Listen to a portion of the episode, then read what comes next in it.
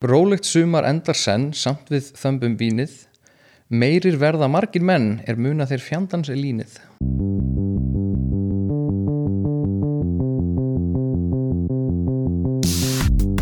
Halló er eitthvað að frétta? Já það er ekkert að frétta. Já það er ekkert að frétta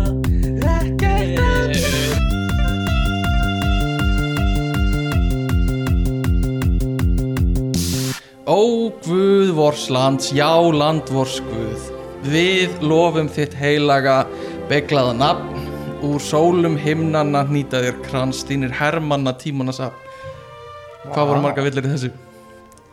Hvað þau greint villunar? Sex Það voru allir nokkrar Það voru nokkrar uh, Velkomnir í, í hérna 49. þátt Við erum með uh, heilan bát. Eða reyndar, ég veit ekki hvort það verið 49. þáttur. Velkomin í þáttinn, strákar. Uh, Við erum með heilan nýjan bát. Einn nýjan leikmann.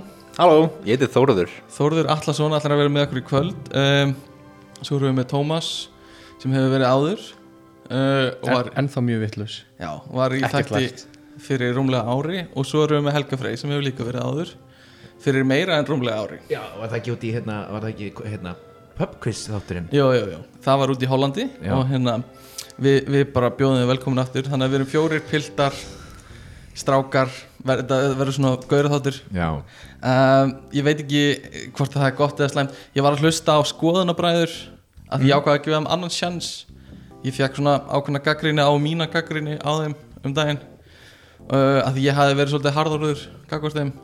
Og ég var að hlusta á einhvern algjöran gaura þátt og hann var ekki að hjálpa skoðun minni á skoðunabræðurum Var það Siffi og Thomas Já, Stendogs? Já, það var já, hann. það var rosa mikið, mikið læti það var erfiður þáttur eða sko góður á tímabili en erfiður á tímabili uh, Þóruður, gaman að fá þig í þáttunum. Takk, kannan að mæta Ég vil vita hver var gaggrinnin á skonabræður Uh, sko ég ég sagði bara að þetta var í hérna, þættunum um íslensk podcast sem við tókum upp og ég var bara að segja að mér fannst þér oft rosalega kaltænir fela sig rosa mikið baka kaltæni þannig að það er erfitt að fá bara svona hvað þýðir það í alvörunni þeir eru að segja? Um, þeir í þessum þætti sem ég var að hlusta á voru þeir alltaf að segja king um, og ég held að þeir sé að gera það í gríni en mér finnst það eiginlega verið komið það langt að þetta sé orðið ekki grín hjá þeim og mér finnst það svolítið kjánalegt uh, og bara svona einhvern veginn já, bara stemningin stundum í þetta neðra en, en ég var ekki búin að hlusta marga svo ég ákvað að gefa þeim annan sjans og þú veist, það var ekkert, það ekkert mikið að breytast kannski skoðun mín en, en allt er lægi inn á milli sko. stundum eru svona skemmtilega umræður Mér finnst lemla sko bæði orðin King og Gate sem Já. er mikið notað á svona yngri karlbönnum þjóðarinnar mm. Ég bara heyri þetta daglega, oft. Oft á dag og En þetta er bara eru búin að missa allt gildi. Þeir eru að segja þetta í gríni sko. Hvað samt í alvegni þýðir gate, sorry. Það er góð, það er greatest of all time Já, og það það er líka dýri með hotni svona. Já, ég veit það sko En ég, þetta var ekki sá tilgang nei, nei, nei. Nei, nei, nei, þetta er Þetta er þýðing á ennsku slangri og þetta var fyrst bara svona, vá, þú veist Gilvi sig áður en að eitthvað gerðist. Var geitin, skilur. Hann var bara, þú veist, besti fótboltamaður Íslands. Mm, en núna er ég bara, gaurinn í kaffetyrunni gaf mér mat. Sem hann á að gera og vinnu við en hann er bara geit af því hann gerði það svo vel og en mér heyrist þú ert aðdáðandi skoðanabræðra Þorður Já, ég hef hlustað á nokkra þetta Já. Ég var líka eftir einhvern þátt verið hröka pyrraður á, á fullt af skoðunni sem ég var að þessar bræðra sem ég var ekki sammála. Já. En þá fikk ég heyra, hlustaði bara á næsta þátt en þá koma alltaf aðra skoðunni í ljós. skoðanir, Því hver þáttur er svo frábriðin hinn Einmitt. Mér finnst þeir oft bara að þeir eru að tækla mismunandi málefni sko, og tala um alls konar. Og mér finnst þeir oft bara þú veist, stundum eru þeir uh, hlindir þessu og stundum finnst þeir þetta asnalegt og stundum eru þeir pírutum og stundum eru píruta king og stundum eru þeir bara asnalest í heimi Já. Eitthvað svona, þeir hafa aldrei neina skoðun af því þeir eru bara einhvern veginn svona já, að reyna að segja eitthvað, sko. bræður. já, skoðanalausir bræður það er inn í svega bara Já. það heyrist ekki í podcastan sko. en það er alltaf, uh, þú veist, fína þættir ég get alveg hlusta á um, sko, Ísland við búum þar við ætlum að fara að tala um það á eftir. Þetta verður, þetta er svona gauðra þáttur tala um einhver svona þjóðurnishyggja að gauðrast saman tala um landið sitt. Uh, við sjáum hvernig það fer, en hvað segi hvernig sumar er búið að trýta ykkur? Uh, er það búið að vera sumar og vombriðana er þetta að segja það? Nei, nei, alls ekki. Þú, Þetta, þú býrð úti í Þýskalandi Ég. Býð út í Þískanandi og þetta verður vetur vonbreiðana en, en sumar bjargvættasumar Já, þú, þetta er sumar væntinga sem stóðust Já, tvímælarist okay. og hérna uh, þú kemur til, til Íslands og ert hérna í, í nokkru vikur uh, og ert að vinna úti samt Já. hvað ert að gera úti? Ég vinn, ég vinn sem hérna ég vinn sem hugbúnaverkræðingur hjá uh, Amazon mm. og hef gert hann í ár frá útskrift Mér finnst gott að við séum að fá annan hugbúnaðar verkfræðing í þáttir annarkur maður hérna hugbúnaðar verkfræðing Já, bókstaflega. En það er svolítið töff að vinna hjá svona huge fyrirtæki. Þú veist þetta er náttúrulega bara the fyrirtæki í dag. Það er það að utan sko. Svo kannski eftir smá tíma áttum að það að, að, að þarna eru sömu vandamál og, og sömu hjólspor eins og eru á hvað öðrum stað sem er. Hvernig fannst þér þegar Jeff Bezos þakkaði þér fyrir að koma honum út í game.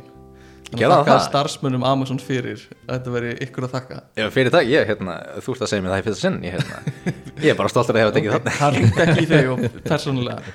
Um, Nei, ok, já, Amazon uh, þú ert að gera góð hluti þar og um, ert að fara út aftur til Þískalands bara, Mhm. og stoppar við hjá okkur núna og þú, þú varst með okkur í MR við erum þekkist þaðan fyrst. Um, Ég man, fyrst þegar við kynntast þér Þórður þá var ég og Tómas sem er hérna með okkur við lánuðum þér yfirvaraskegg á grímuballi sem nýtist vel, af því að ég var ekki með eiginlega neitt búning. Mm. ég var bara í skirtu og fekk hatt. Já, já. og við, Tommi vorum eiginlega svona tveir hitlerar svona næstu því. Já, mun ekki miklu, Nei, sko, vorum- var alveg tæpuglæpur sko. Við vorum skafti og skafti úr tinna bókunum sem eru basically bara hitler með kúluhatt sko. Já, staf. Uh, já, staf, þannig að uh, já, við lánaði yfirskegg og þú skilaði þér í daginn eftir. Það er svona Er, uh, það er rétt. kynni mín að þér. Já. Erum við að tala um þá í þriðabekk? já, Já, já, þetta er bara Þetta er grímuballi fyrsta þriðja orðið. bekkar, okkar. já. Já, ok. Uh, en nóg um það, hvernig hérna finnst þér menningin, hvað er svona stærsti munur á menningunni út í Þýskalandi og Íslandi? Stór spurning sem er varpað hérna fram. Er það hérna, ég man að ég tók eftir sko, þegar ég kom til Hollands þá var svona nestist menningin þar hjá fólki, fólk var bara með brauð og ost í nesti og það var bara sátt við það. Engin ævintir að gera nei, engin æventir að gera engin ekki að hræra og pulsa ekki neitt sko. Er eitthvað, er í Þýskalandi sem svona, svona tekur eftir? Mér finnst sko uh, eftir því sem ég bý í fleiri löndum finnst mér ég átta með á því að það er svo lítill munur já, á öllu stöðum. Já, Það er einhvern veginn, þegar þetta er á bátnum kvöld þá erum við öll bara uh, sama fólk með sömu drauma og, og, sömu moment af einhverju vonbriði Einmitt. og, og hver annar. Um, en það sem ég er hrifin að í Þískalandi hljóman ekki sem ég er hrifin af mörgu sem ég, ég er það, ég er það. Ég er hrifin af um, Æ, ég var að hugsa um það, ég vil ekki segja eitthvað klísikant að Trefin af fólkinu kannski?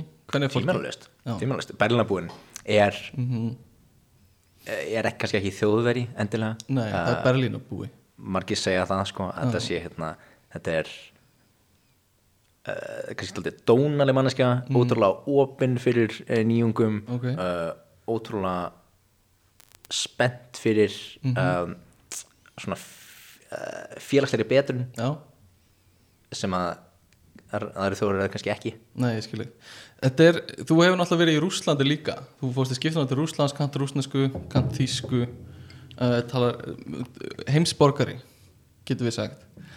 Verðandi. Mm, Hvað færðu þér á hamborgaraðin samt?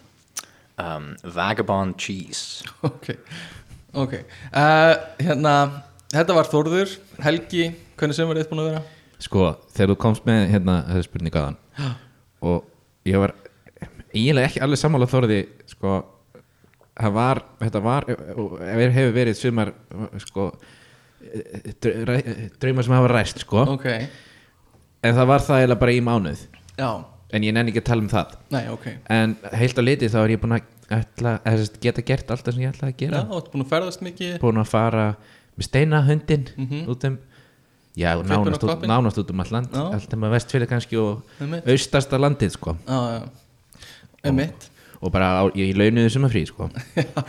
Já, vinnur í, í MR sem kennari, starfsæðikennari og ert að, já, kenna þessum þessu fólki í Batman-regluna og eitthvað.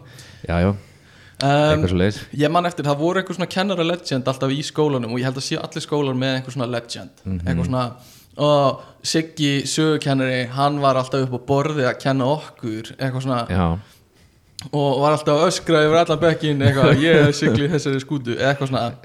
Um, allar, þú veist, er það draumurinn að fá eitthvað svona sko, ég ætla, ég ætla ekki að vera góðu með mig Já. En ég held ég, haf- mér hafi tekist alveg að búa til ágætist þannig personu í vettur sko. Já, það. Já. hvað heldur að sé svona að helgi, já þetta er gæinn sem var alltaf að bla bla bla Já, það er pottit eitthvað svo leis Hva, hvað er það? Ég, sko, ég var í rauninni, ég var ekki mjög strángur Mhm. Og ef að fólk væri í símanum, þá bara var það í símanum já, og, og hérna og svo þú veist, þeir nefndur sem sínda áhuga Mhm. þeir voru bara sáttir. Já, að, að því að allavega kvörtuðu lítið Mhm. og menn hinn er kannski kvörtuðu meira. Já, já.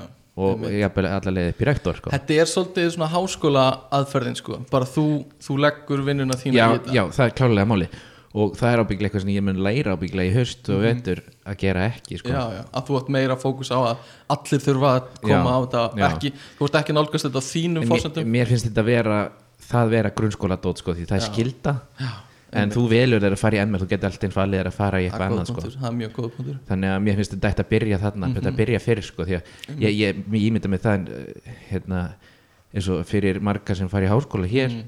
þú veist, verkfræðinni eða eitthvað já, það sé svona nærtakasta dæmið að setja inn í sal með 300 manns í háskóla bíó og, og Jim er að sanna eitthvað fyrir þér upp á töflu sko, Já.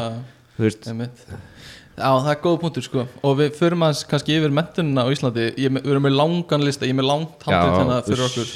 Þannig að við sjáum hvað við komumst yfir. En Tómas, sumar vonbreiðina sumar Það byrjaði rúslega vel hérna við erum búin að fara hérna eftir bara einn eftir öðrum á borðinu. Mitt sem er búið að vera voðalega leiðilegt svona upp til hópa ég er búin að vera að vinna hérna Þú bara representar henn típiska Íslanding Já, ég ég, ég, ég sá eitthvað, tweet hérna hvað væri undarlegt að ungt fólk sé að vinna með skóla og allt sumarið og allt fríið og ég var bara svona, já, þetta er ég.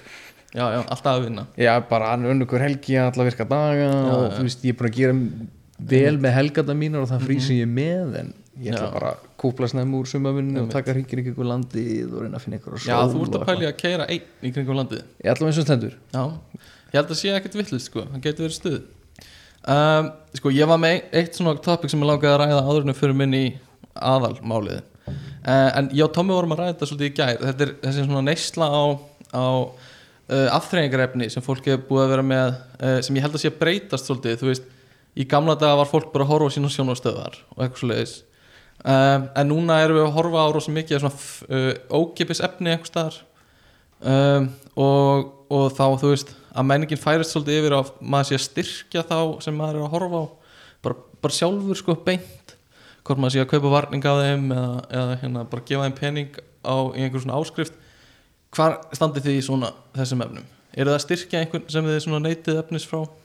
Ég hef aldrei gert það hinga til Nei. En mér langar að gera það. Já, Ég er kannski bara að leita að, að rétta content creator Já, til að styrkja ég held nefnilega að þetta þurfi svolítið að þróast í þessa átt eða þú veist að þetta sé að þróast í þessa átt.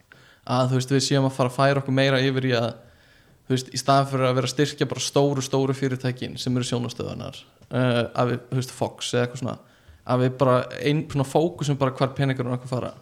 Og við þurfum bara einhvern veginn svona að læra það að gera, er, er þið með skoðan á þessu? Mér finnst þetta náttúrulega sniðut sko, ég meina þessu pæli bara í gamla daga þegar þú varst með hérna áskrifta Digital Ísland eða hvað það var, þú veist hvernig það var og og sjómaspakkandir eru núna. Þú ert að kaupa þér einhvern pakka fyrir 5, 6, 7 krónur, 8 ás krónur á mánuði Já. og þú ert að fá fullt af stöðum fullt af efni sem þú horfir ekkert á. Nei, það er maður ekki freka bara til í að eyða bara miklu minni upphæðum og bara velja nákvæmlega það sem maður vill Sammála þessu. einmitt Er þetta stafræna útgáfan af einhverju svona mínimalísku lífi? Það gæti verið, það er góð Já. punktur Það er svolítið ákveðavert En ef þið horfið hérna upp í hillu það sem sjáu risaðiluna það er svona merch frá gæja sem ég styrti Já. kost það er 12 skall Einmitt, svo þú hefur gert svona ég hef gert þetta sko já, já. Þetta, þessi, umræða kom upp tengdu markasetninguna á einmitt þessum þætti sko, Já. og að gefa út eitthvað svona varning og eitthvað svona tengt þessu uh, ég held við séum ekki alveg komin ánga enn þá uh, í bara svona hlustun en, en þá fór ég bara að hugsa þú veist, hvað hérna veist, hvert er svona þróunin að, að stefna í svona neyslunni á efni sko.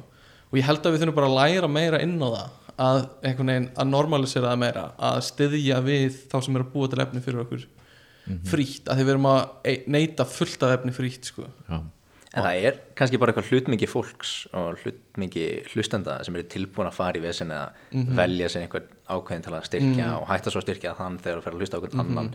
Að það er meiri vinna að Mhm. það er meiri vinna. Það er meiri vinna. Og þess vegna kannski að þú ert að neyta frá fimm kannski vilja þeir einn til að styrkja eða eitthvað svo leis um, ég veit ekki og ég held að þessi þróun sé ekki búin sko.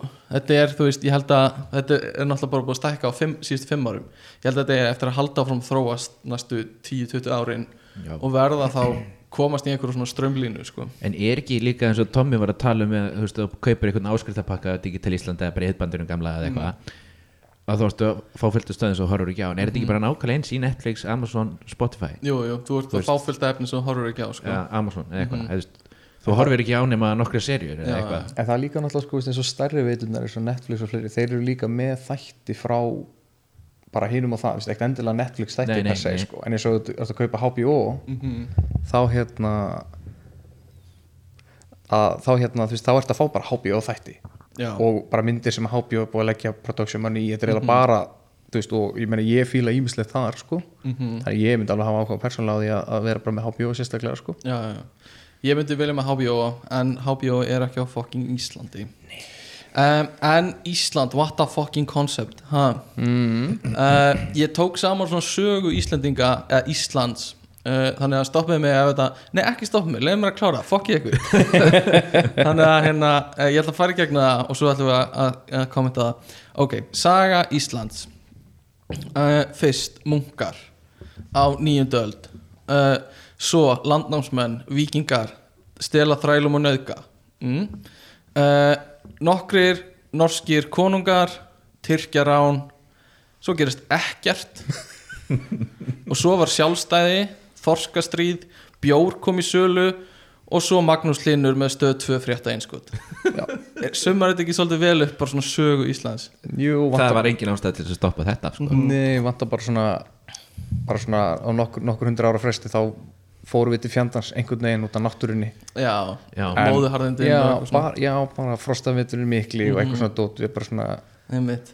Uh, sko, munkar. Bankarrun M- já, bankarhrun. Náttúrun lögmálið sko, munkar eru svona the unsung heroes uh, af svona gamla Íslandi sko.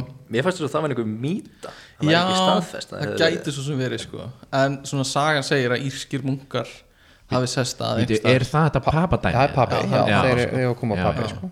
og þeir byggu með rostungum þegar rostungar voru hérna við strendunar um, og svo komu landnámsmenninir frá Noregi, Svíþjóð Bretlandi kannski og hérna setti stað og það koma svona okkar helstu þjóðargersamar sem eru Íslendingasögunar uh, hver er skoðun einhver Íslendingasögun gaman, stuð, leðilegt ég finnst það bara skemmtilega sko. ég tjá, tísa kjá ekki um þetta. Já, Ég ber virðingu fyrir þeim en ég get ekki sagt að ég er mjög gaman að þeim. Nei. Uh, ég skil það svo sem alveg. Og hérna, svo er við sett undir einhvern kóng. Uh, norskan kóng, hvort myndið þið frekar kjósa að vera undir Noregi eða Danmarku? Nú Er það? ég held það. Akkur? þeir bara, þeir voru næs. Já. svo bara komið danir og tóku við það og þeir eitthvað, ok, Já, þá voru danir bara líka að ef þú ferð til dæmis til Noregs í dag Mhm. eða til Danmarkur í dag þá er það miklu betur tekið sem Íslendingi í Noregi. Já, ég skil ekki Því trúi ég.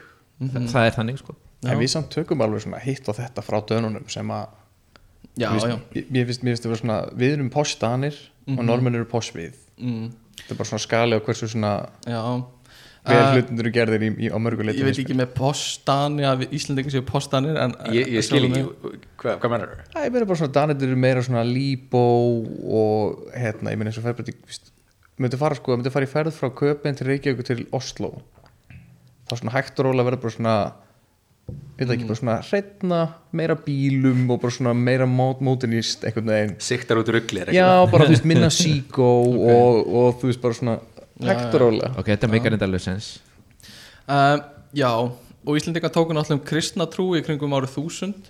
Þegar Haraldur Blátön sagði að kristna skildi Íslandinga um, Var þau til í að vera ennþá bara hérna trúa á norræni góð það verður svolítið töff að vera svona eina veist, sem væri ennþá á, á þeim vagninum sko. það var í grjótart sko Ég er nú skráðið meðlumur í ásátturafélagi Já, þú ert það er það?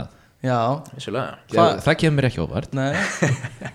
Hvað hérna fælst í því? Er eitthvað svona Ég var í mentaskóla, hugsaði mér gott og vel, ég vil ekki vera partur af þjóðkirkjunni lengur. Uh, og held að með því að skrá sig úr þá færi peningurinn í rannsóknir sem hann gerir ekki. Hann fer bara óeirnamertur bara í ríkisjóð Ok. svo ég hugsaði að það er ekki alveg gott? Hvert get ég sett hann? Um, og, og á þess að stopna trúfélag þá var besti möguleikin að fara í ástatrúfélagið Ok. vegna þess að einhver peningur fer veist, í blót og einhverjar hátíðir og giftingar sem þeir halda. Já. en eitthvað styrkið það líka. Ok, já, það er mjög áhugavert. fætt dagatala hverju ári Já, og geggjað. Ég, ég veit hvað ég ætla að gera eftir þáttinn. Já, fari allir að skrá sig í ástrúfélagið um, Herðu, rauðvin þátturins í dag er Vía Real Silfur Refur eins og við kvöldum það. Uh, og það er það er nú alveg svolítið síðan við vorum með alvöru rauðvín síðast en í þetta skipti erum við með rautt rauðvín dagsins og uh, styrtaræðilega þáttarins í dag eru hvítir púðar. Hvítir. Góði fyrir hausinn þegar maður fer að sofa. Um, ok, en ef við höldum áfram svona aðeins að, að uh, tækla á, á sögu Íslands.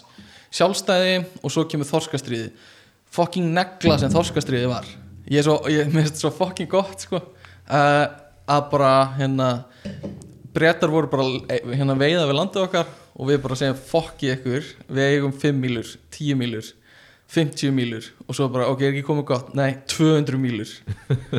Það er líka mjög, mjög skemmtilegt með það ef þið hérna googlið bara sem sagt, stríð sem að þjóðir hafa tekið þátt í og hvernig þeim vegnar og þetta er sko tabla á Wikipedia sem er sko græn og rauð eftir hvort sem er búin að tapa veiru að vinna. Við erum 4-0 Já, 4-0 við erum 100% sigurhlutvall í okkar stríðum. Unnum öll stríðin. Um, En hvað segir, hvað finnst ykkur svona einkenna Íslendinga? Hvað er Íslands Hvað er Íslendingurinn? Hann er loðinn. Hann er loð Eða er það bara ég að? nei, ég held að sé svona loðnar en meðal maður Já, um, ég veit ekki Íslendingar, þetta er náttúrulega svona lítið samfélag Fljótt að frétta slutir kannski veist, Þetta er eins og bara pínu lítil borg Í, í einhverju, einhverju útlandi Þannig að Já, ég veit ekki, ég held að það alveg svona e, hjálpi til við einhvern veginn svona að skapa hvernig Íslendingar eru og þú veist já, hvað hva, hva finnst ykkur? Hvað er Íslendingur? Mér finnst það þurfa að vera með kaldan og svolítið svona súran húmor Mm, Þú veist, nýtur, sín best í kringum Íslendinga en Já. Hann á til að skilist just, að hérna, þýðast ekki alveg að vel yfir önnu tungumál og til annars fólk sko. ok, já, svona kaltæðin húmor kannski. Mér finnst húmóri verða hérna kaltanir eftir því sem fer norðar. Já, já. tala við fólk eins og finna þá eru þeir með Einmitt. ískaltan kaltanishúmór ég get vel séð það sko. Og, og kannski ekki eins kaltæði í uh, Spáni eða eitthvað. Nei, er dæmis. meira, er meira passion þar sko.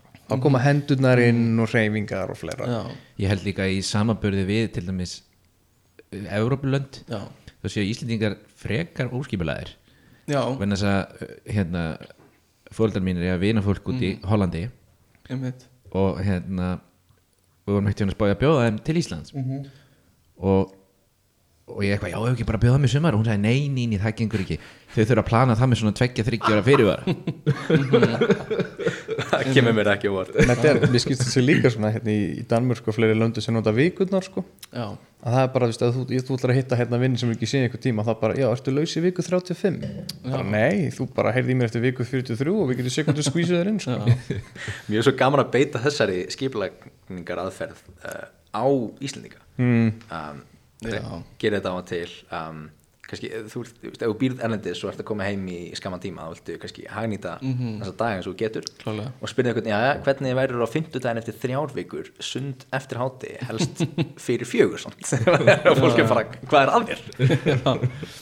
ekki íslenskt. Um, en svona Íslendinga sko Íslendingar eru líka rosa mikið fyrir ættir. Eða svona sérstaklega gömlu kallanir sko. Eitthvað svona hverra manna er þú? típunar og það er bara út af því að það er allir frændur og frængur og skildir. Um, hafið þið notað Íslendingabók eins og allir útlendingar halda við notum Íslendingabók? Sem er eitthvað svona má ég sofa hjá frængu er þetta frængu mín eða eitthvað svona? Nei, ekki ég allavega. Ég hef ekki gert það fyrirfram en ég er svona kannski ef ég svona er að hitta mannesku mm, þá veist mér alltaf í lagi að double checka Já. bara svona til öryggis. Gerur það á öðru deiti eða eitthvað svona, ertu með eitthvað Já, tíma? ég, ég afsaka mig bara klukkan bara svona klukkutíminn inn í ann- annan date þá fer ég á salernið og Mm. bara checka mig af. Hafið þið lent einhvern tímann í einhver svona ú, opp, opp, opp dæmi? Nei, alltaf ekki ég persónulega sko. Og hvað er Obobo? Já, það er góð spurning, ég hef mjög sterk að skoða þessi Ok, ég hef alveg, ég hef alveg Tvímenningar eru náttúrulega bara uh, Þú veist, fóreldrar ykkur sískinni Algjört nei nei Var það ekki Jón Sigursson og konan hans? Jú. Já, Já, við, og, og hérna ef þú vilt fá þjóðtíðadag einhvern tímann þá getur þú gert það. En ef þeir eru sama um það þá skaltu sleppa því Ég heyrði samt aldrei skemmtilegt randið það, sorry út í dörrin að Jón Sigursson hefði mögulega kannski getað verið hommi af því hann hitt aldrei þessa konu. Já, Hann var alltaf bara út í Danmörku. Hann var út í Danmörku sko. Já, það er alveg pæling sko. En ég held nú að mikið að köllum hafi gert það sko. Jú, jú, ekkert mikið verið með konunum sínum en ok, þetta er sjónum uh, hérna þreminningar, þá eru þú veist þá ertu komin einum ofar, það er líka nei. Þú veist, áttu sa- sama afa. Já, Já. nei, nei, nei. Afi, afar ykkar eða ömur eru sískinni Já, já, já. í þreminningum Hitt er henni sama og við vorum að tala um.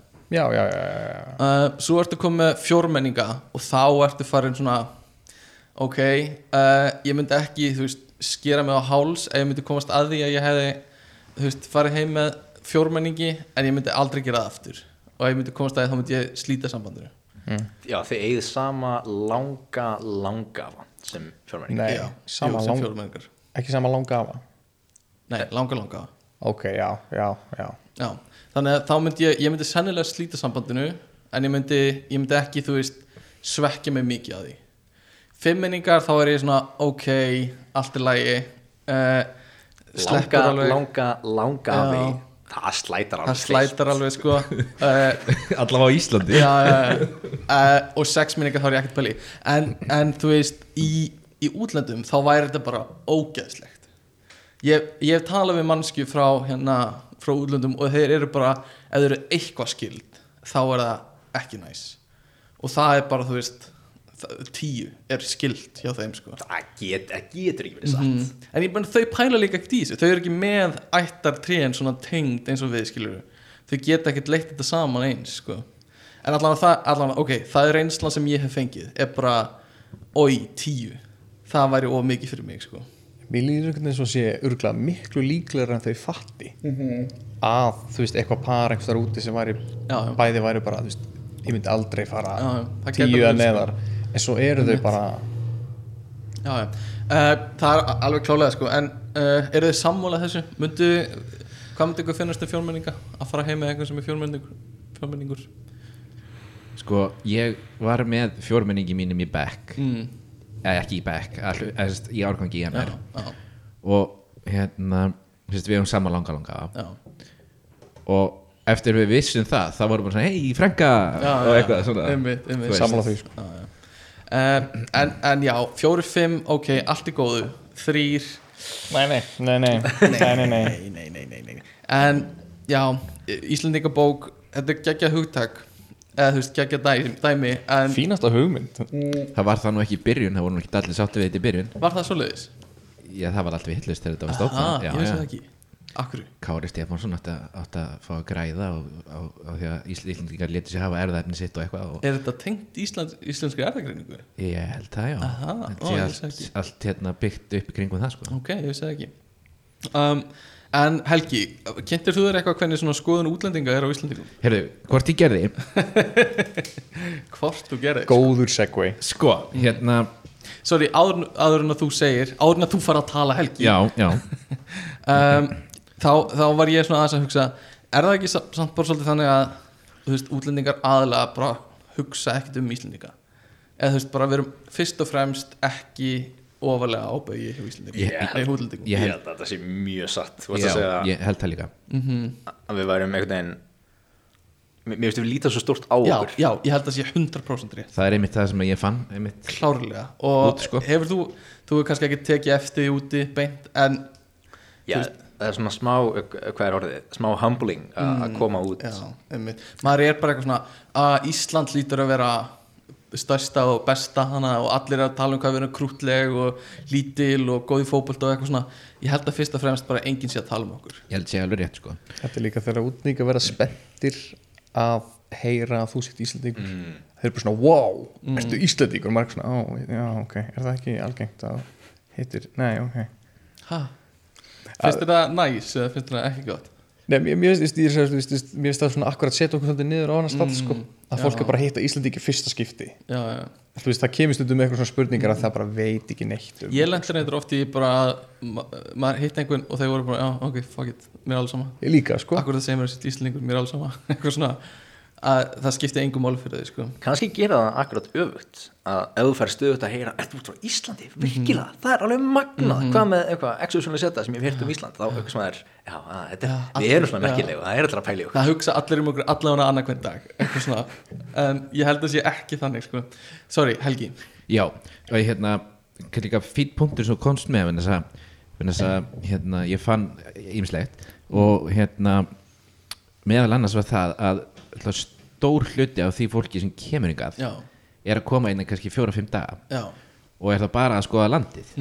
Og er það lítið að pæla í, í, í manninum. í manninum sko, alveg eins og þið voruð að segja. Einmitt, og það er einmitt það sem ég eða þennan vingil í rauninni fekk ég frá uh, Ástrala sem er búin að búa henni í ja, einhver, einhver ár, Já. fimm ára eða eitthvað. Og, og hún var að segja það að sko, að sko bæði það að, að, að, að fólki stoppar svo stutt það sér svo margt yfir skamman tíma.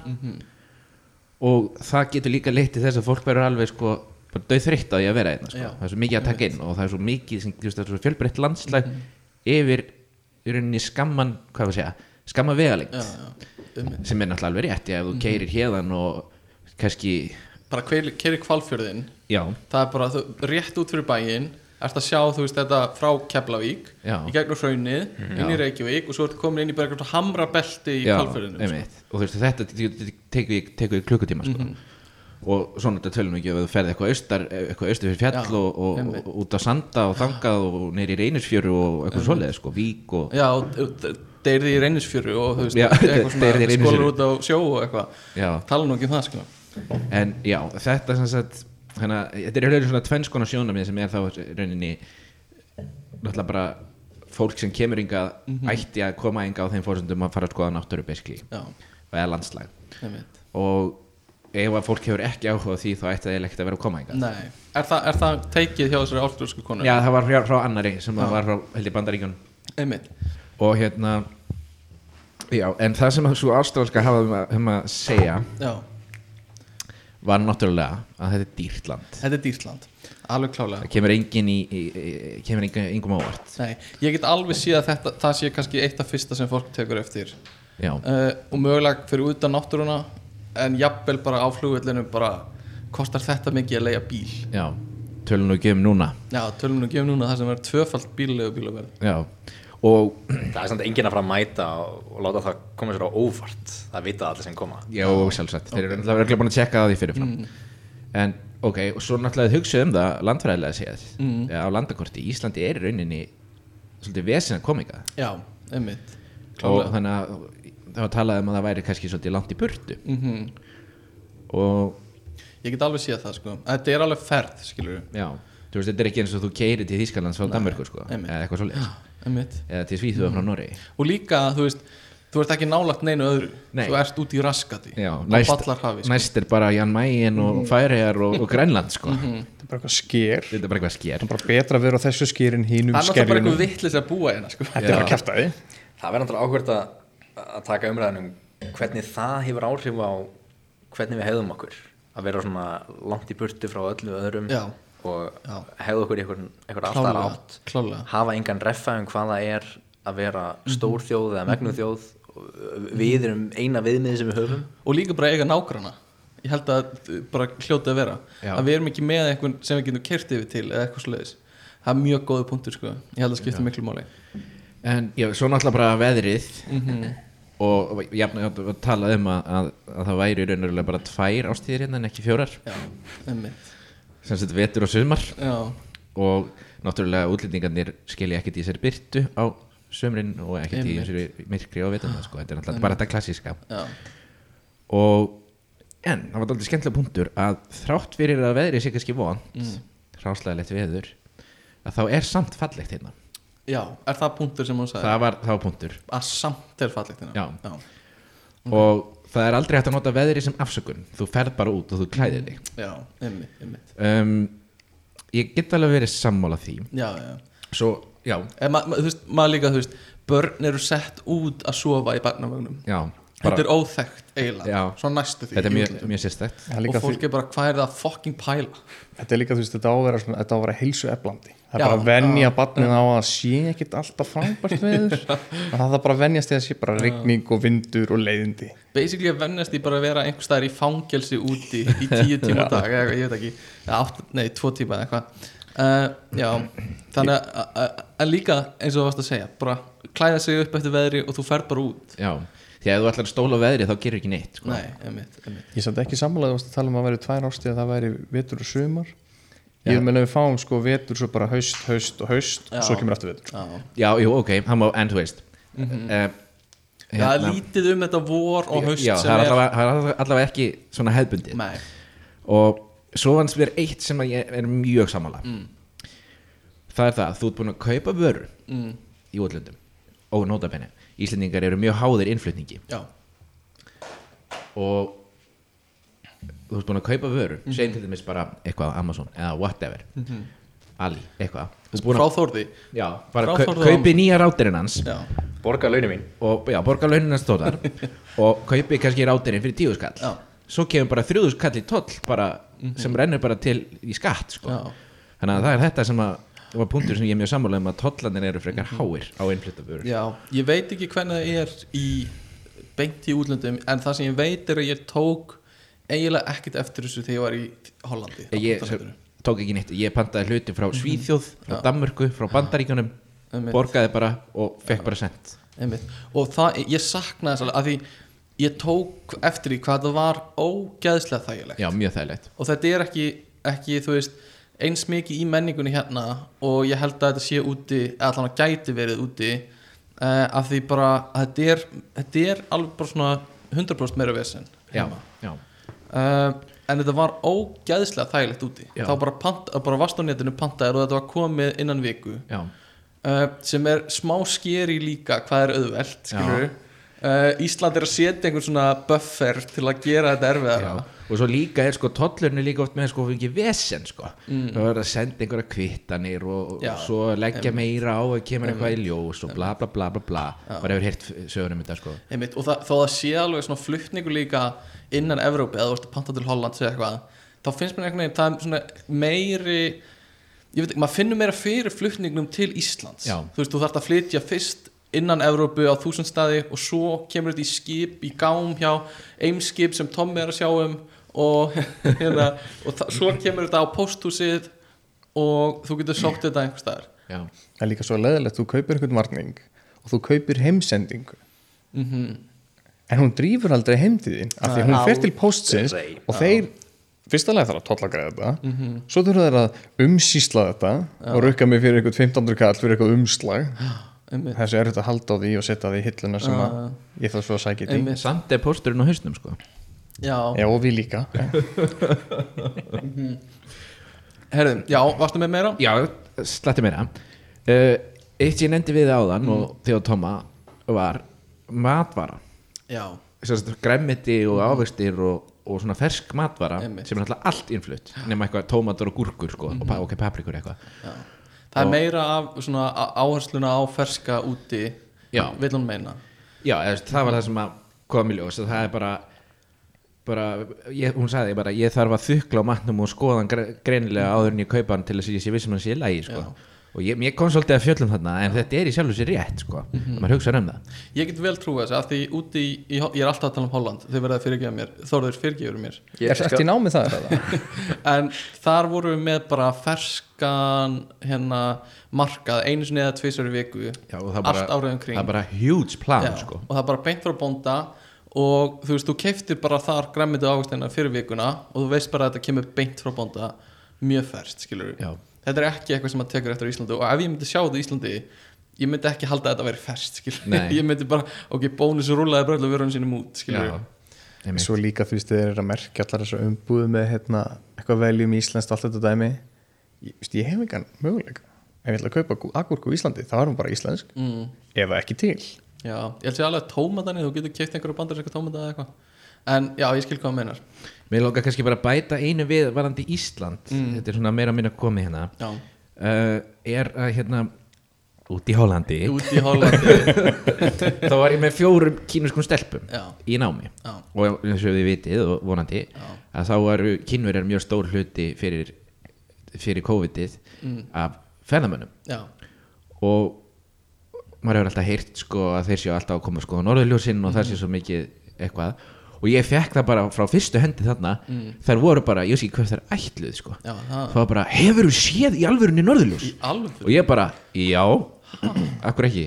Já, ok, og bara, geggjað maður ég við þurfum að koma sko. Hvað er, er eitthvað sérst, ok, er eitthvað sérstætt í gangi í Kína eitthvað svona herrferð eitthvað, norðurljósin eru eitthvað sem það verður að sjá. Ég hef heyrt eitt Já. sem er að hérna, það sé ykkur hjátrú í Kína Mm. sem er svo að, hérna, að barn sem hefur skapast undir norðurljósi um, sé einhvern veginn betur sett er það, það er magna ég hef reyndar heyrt þetta líka. það sé bara túrismi af kýmverjum sem koma hérna Til í norðurljósaferðir hoppa, fara kannski að leia skála og svo kemur gætin og segir já, er það, það er komið norðurljós, sjáu þið. Hoppaði út í, í tvær myndir, taka tvær myndir og fara svo all, aftur upp í skála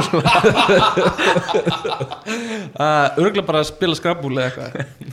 Já, emitt, þetta er mjög hérna, hérna Spila pind. aðtilsverð Spila pind. svo voru okkur líst sem rókafullum já, þjóðræknum og umhverfisvænum sem ég held að sé rétt.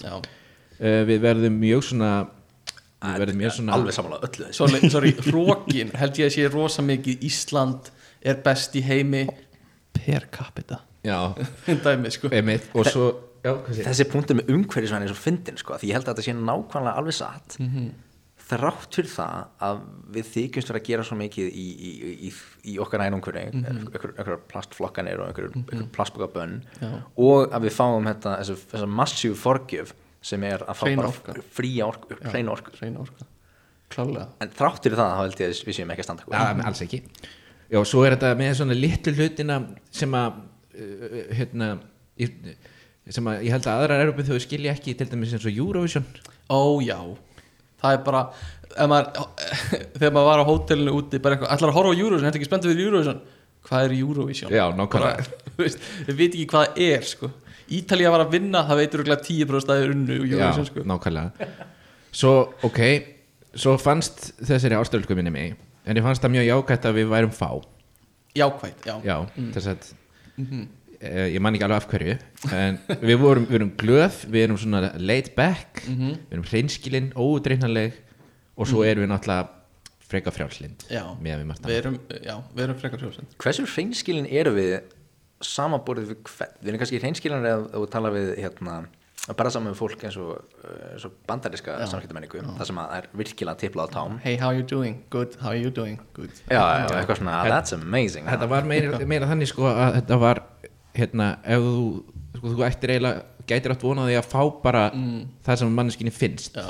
bara beint í þig. Einmitt. ég man, við vorum með bandarískan leikmann í körfinni þegar við vorum að æfa, Justin Shaws og hann sagði alltaf, hey what's up ég vissi aldrei hvað ég átti að segja. Stundu var ég bara, oh, not, I'm just in school and it's still great en eitthvað bara, var bara eitthvað basically að segja hi, bara what's up bara, uh, ég, ég var að, ég, ég lagði mig á þann og ég var að koma úr skól eitthvað svona, fór bara að segja frá deginu já, ég, ég leti í sama, ég var að, hérna, ég var að ganga á faradarsfjall að fá að skoða þetta blessaða eldgós í fyrsta sinn. Já, til að með það. Það er virkilega fallegt, ó, guð mig góður um, og þú gengur framhjá og þessi íslenska stemming, eh, kannski bara er hún allstaðar að, hérna, að þú ert í einhverju göngu, ekkert fólk hérna mm sem leið og kemur manneskja, þá heilsar já, daginn, daginn, erum við ganga? Já, bara, heldur bara áfram, já, gott og vel, það er sem ég gerir eitthvað, ég segir ekki neitt, það segir samt eitthvað.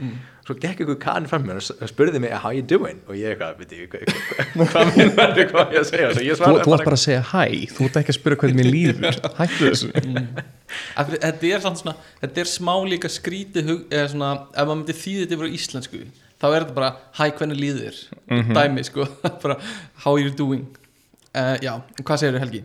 Ég held að ég sé ekki að segja meira í Ok, bili allavega í þessu segmenti. Einmitt, ég sa- fann svolítið skemmtilegt þetta sko per capita hugsunarhátturinn í Íslandi. Ú, ok. bara svona hvað er Ísland per capita? Og við erum náttúrulega við erum ógeðslega upptekinn af þessu. Veist, við erum bara og við erum náttúrulega með besta fótballtalið í heimi eða skorið per capita og eitthvað svona veist, skiptir engu máli í fótballta um, en allavega við, hérna, við neytum mestra orku í heiminum per capita. Það er mjög auðvitað að trúa því. Mhm. Það kemur eiginlega inn á þetta óumhverju svæna sko. Já, Og ég veit ekki, veist, hvað það er sérstaklega að því við erum náttúrulega með hvort að jarðavarminn sé inn í því sko, að því við notum að hita upp húsin okkur oft. Já, ég tek eftir í það var, við, við, við hýtum upp hús, húsin okkar hérna á fullu og það er aðeins of heitt og opnar glugga frekar en eitthvað að, fara út og lækja í opninum og koma aftur eftir 20 mínútur Já. sem væri skilsamra en, en þetta gerir ekki í Þískalandi, þú opnar ekki á, á veturnan einhverju viti. Já, er það? um, þú Ok. okay. að passa að hýtið sem þú bjóst til Ha- Haldist, já, einmitt. Uh, Og ég man, þú veist, í, á hótelun okkar þá var, þú veist, þú þurftir að setja líkilegin á ákveðin stað til að geta kveikt á loftarstingunni og svo áttur bara að taka hann út og, og þegar þú ferði út. Uh, en strákanir Gummi og Aggi þeir fengu sko einhvern veginn svona hérna, svona laumuðu sér í að fá auka líkil með einhver svona krókaleiðum bara til að geta haft kveikt á loftarstingunni allan daginn. Þetta er bara svona íslenskast í heimi bara ég, að ég þurfa að slokka á loftarstingunum minni? Nei, ég ætla bara að stela auka likli og bara hafa kveikt allan daginn. Ég ætla ekki að gera svo allir aðrir að, að, að þurfa, já, allavega. Uh, svo segjum við sko um, eða sko friðsælasta land í heimi, ég veit ekki alveg hvernig það er ákvarðað. Bara her, hernaður. Já. Uh, Reykjavík er með lagstu hérna morðtíðni af öllum uh, höfuborgum stendur uh, og hérna er eitt mjög skemmtilegt. Við neytum mest á Coca-Cola í heiminum á per höfða tölu. Í alvöru? Ég, ég held þeirri tölu uppi bara einn sér. Já, Tommy var að segja okkur, hann var að skila 600 dósum í dósusöfnun á þann það er alveg hérna. Fjörumanna fjölskylda verður að taka það fram. Þetta er ekki bara ég. Og nýbúið að vera partí. Nýbúðarpartí mm. uh, Svo er, segja þér sko að við séum hamingjusamasta þjóði heimi. Já, að einmitt, ég sá þetta líka. 98% séu hamingjusamir Já, þetta er svo fyndin tölfræði. Alltaf pælt í skalanum þar sko, hvernig hann virkar. Já, ég, ég veit ekki alveg ég er svona, ég á bátt með að trúa þessu kannski af öllu, Af hverju? ég veit ekki 98%, mér finnst það rosa mikið með við alla svona þunglindana sem eru oft talað um. Þú veist uh, Kannski að könnunin tekin að sumri. Já, það gæti verið. Skamdegist þunglindi er bara ekkert þá. Um, en á vetuna náttúrulega erum við með þetta skamdegist þunglindis dæmi sko, sem, sem er alveg bara svona þetta er bara vel viðurkjent þing á Íslandi. Bara, já, að ég er með smá skamdegist þunglindi um, ég veit ekki hvort það er í útlöndum líka. Um, við notum mest af interneti. Kallast, kallast ekki hérna Afternoon Delight? Já, er það ekki að, já, já, ok. Afternoon Delight er skamdegist tunglið aðeins tóma. Uh, Já, við notum mest af interneti. Við erum líka feitast þjóð í heimi. Nei, við erum önnur feitasta þjóð í heimi. Hver er það feitist það? breytum eða Ég eitthvað veit ekki Eða örugglega. Bandaríkjunum, Já, kannski. bandaríkjunum. Uh, Ég get alveg séð það líka. Uh, Við erum með besta uh, kynjajafnréttið, segja þér. Um, Og sem, sem mér Fyrir mér þýður eiginlega bara önnur lönd eru með mjög slæmt kynjajafnrétti. Mm -hmm. fyrir ekki að Íslendingar séu eitthvað með frábær kynjajafnrétti. Já, held sé bara gott. Um, punktur. og svo Gott topic fyrir fjóra gauðra Já. Skoðan á þessu Já, kynni við höfum það bara fínt. Ég veit ekki hvað það er um, aldrei hýrt um þetta. Já, svo erum við með hæsta les skilning, eða að geta lesið að kunna lesa og skrifa. Þessu trú ég ekki. Nei, er þetta ekki akkurat gegn þessum fréttum sem er að heyra hérna, að ungi strákar bara lesi verð og verð og minna og minna? Já, ég veit ekki hvort er veist, að kunni allan að lesa og skrifa. Ég held að sé nefnilega það sko, ég séu mjög læs og skrifin. En ekki kannski best en í við erum ekki góð í því. Uh, það getur verið. Uh, Svo erum við með eitthvað sem ég finnst alveg mega sens erum við með flesta rítuhunda í heiminum.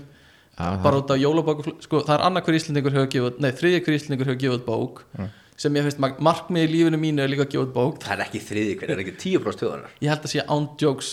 Ok, ég veit ekki nákvæmlega tölu en ég held að sé meiri en tíbrústjórun sko. Það er fárætt mér langar að gefa út bók einhvern tímann á æfinni bara, Það er fárætt og ég er einn af fjórum hérna ég veit ekki hvort það eitthvað langar að gera þannig að það getur verið þú, tölfræði. þú hefur nú gert stöðmyndið ekki? Ég hef gefið út stuttmyndu og alls konar en um, Íslandingar stendur líka að þeir lesi flestar bækur ég held að gæti verið að við eigum eða fáum flesta bækur í gjöf eða eitthvað um jólin. Ég veit ég hvort allir lesi bækurna sem þið fá um, og svo erum við með flesta Nóbelsvölun að hafa og tónlistamenn og við erum þriðja hæst í að drekka kaffi.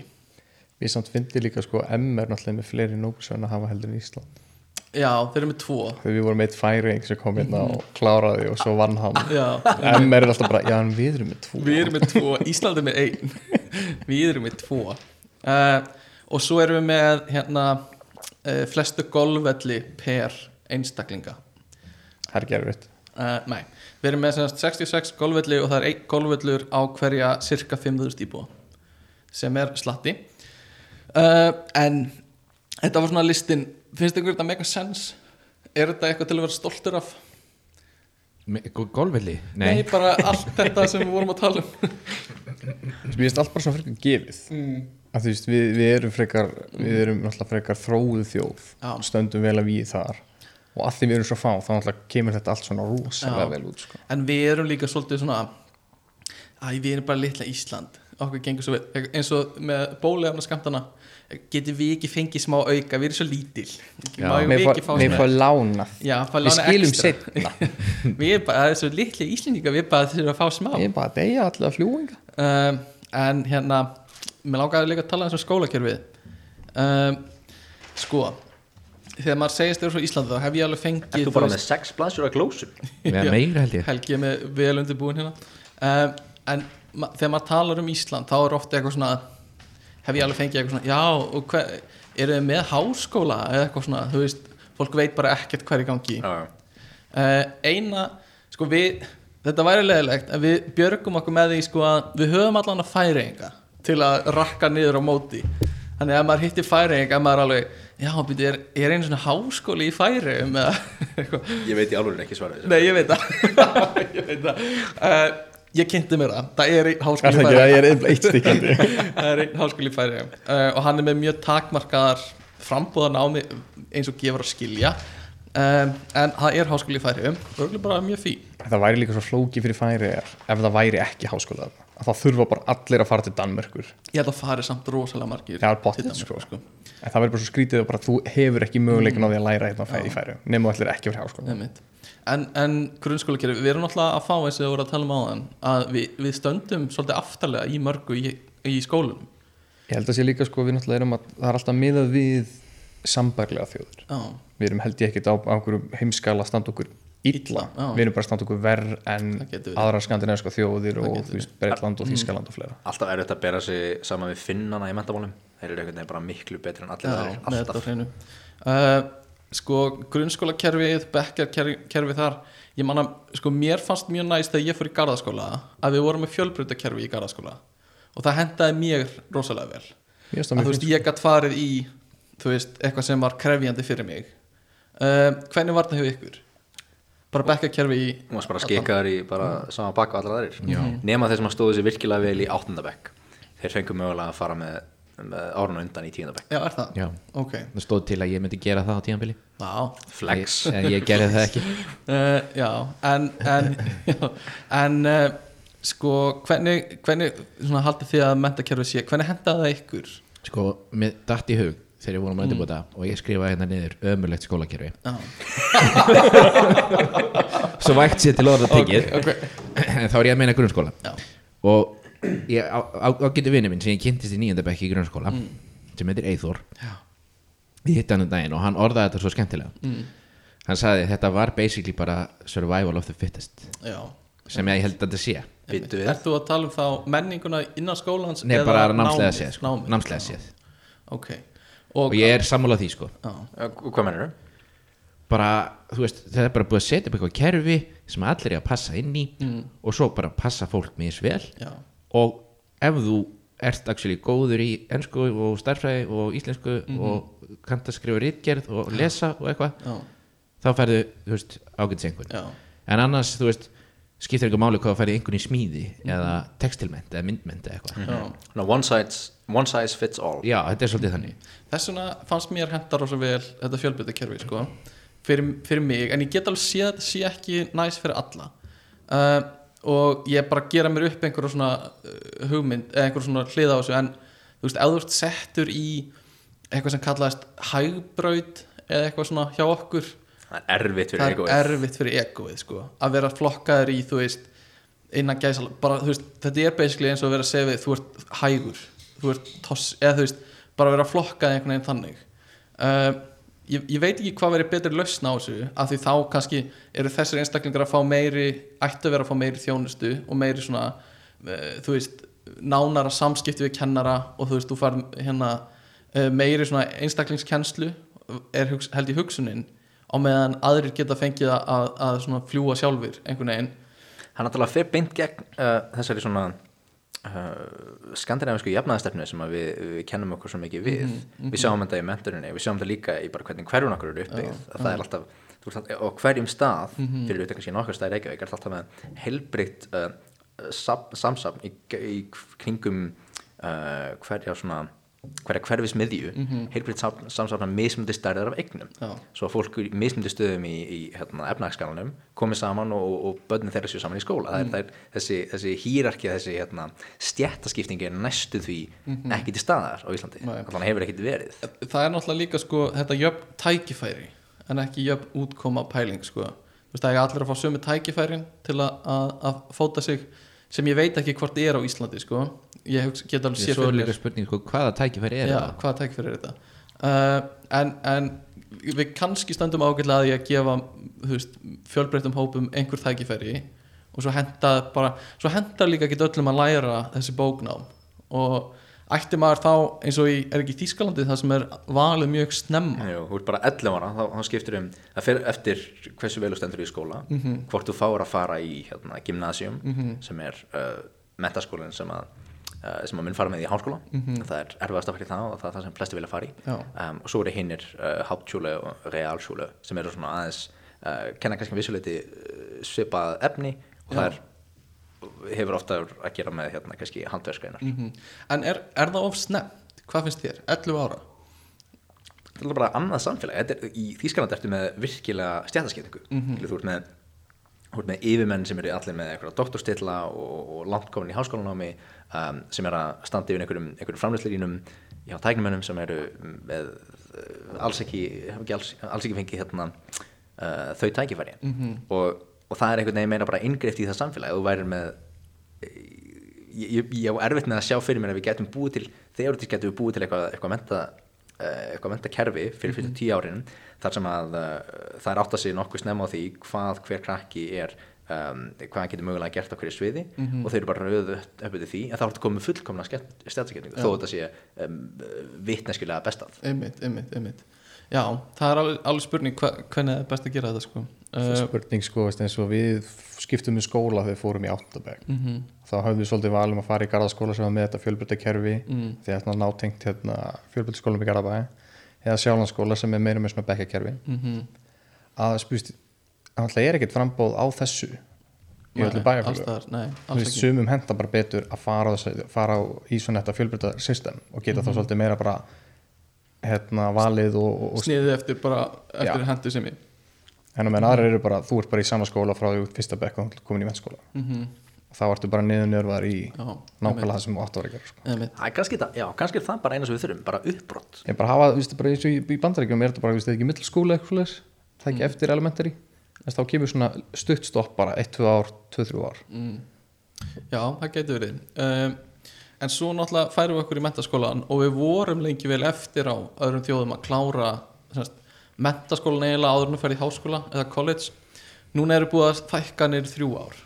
Uh, Hafið skoðun á því? Það var algjört óráð Það var algjörst óráð Ég held að rosalega margir emmeringar sem ég hef talað við hafa sagt þetta er fáránlegt. Ég held að Þórður sé ekki saman um það Ég er ekki saman að þessu. En þú ert, þú, þér, fannst það góð breyting? Ég veist að príðilega breyting, það er um að gera stitt þetta. En, en hvernig hefði fundist þér að stytta grunnskólan og halda mentaskólanum fjögur ár? Mjög góð lust líka. Ég, ég hefði viljað sjá það sko. Já, ég er ekki frá því ég hefði viljað sjá það líka. Þú veist, það er alveg svona, ef maður hugsa um mentaskólan eins og við vorum í honum þá finnst manni smá kannski ungt að vera með tíundabekkinga þó að það voru vissulega alveg yngri nemendur Já, sem já. tóku skólan einu ári fyrr og það gekk alveg. Já, já, en hérna, mann fannst það samt alveg svona tíundu bekkingar mættir í skólan eitthvað svona, ég, ég, ég var ekki tilbúin í það á þeim tíma kannski. Ég, ég get alveg séð marga sem voru ekki til það. en, en ég held samt að hefði verið beturlaust bara til að fá lengri tíma á þessum árum einhvern veginn í aðeins fullornara umhverfi. Jafnvel að stýtta sko grunnskólanum tvö og lengja mentaskólanum eitt. Já, það er alveg nú, nú ertu komin bara ykkur að nú- þetta er ekki til bóð er rétt. Ég held, ok, sko, ég er náttúrulega bara að tala út frá því að ég var í fjögur ár, en mér fannst það mjög góður tími fjögur ár, skilur, Já. mjög passlegt mjög passlegt. ég held sko náttúrulega mjög, nú tala ég náttúrulega frá fyrstu hendi Mm. en ég held að fyrsta árið er þú veist, sama hvaða skóla ferði hvort þú ferði í Kvennó eða MH eða Vestló eða MS eða Borgó Já, eða hvað sem er þetta er bara allt annað umhverfi sko. Já, einmitt, og ég held að þú veist sumir aðlæðast bara strax. Já, einmitt, en aðrir kannski svo ég, ta- ef ég tala um fyrir mig, það tók mig heilt ár sko. já, já, einmitt, að, klálega, ég held að taki það, sko, og það er leiðilegt að eyða einu ár af þremur bara í að fót, finna sig og svo hafi verið bara tvö ár í staðan fyrir þrjú til að, til að blómstra einhvern veginn, Og en, hvað þá þú ætlar að skipta svona skóla. Þú búin að kannski ára ykkur skóla áttur á því að þetta er ekki þitt dæmi og að skipta og þá hefur þarf að taka annað ár til þess að aðlaða þá ertu með eitt ári viðbót með ykkur fólki Já. eitthvað vini eða klálega, hvað það er sko. um, og líka sko ok, bara svo við nefnum uh, kóró, kóróveiru uh, COVID. Djöfull er leiðilegt að vera í þrjú ári mentaskóla og þú ert búin að missa þig eiginlega öll. Mögulega, sjáum til hvernig skóla haldið fer fram núna. Ég er að missa næstu því bara BS minn já, en þú ert búin að missa allavega helming bara í að vera heima. Já, að sko þeir sem eru óhendastir mm. þeir eru að fara að missa tvo þriðju. Já, tvo þriðjum Svona alveg klálega Já, sem er alveg skelvilegt sko.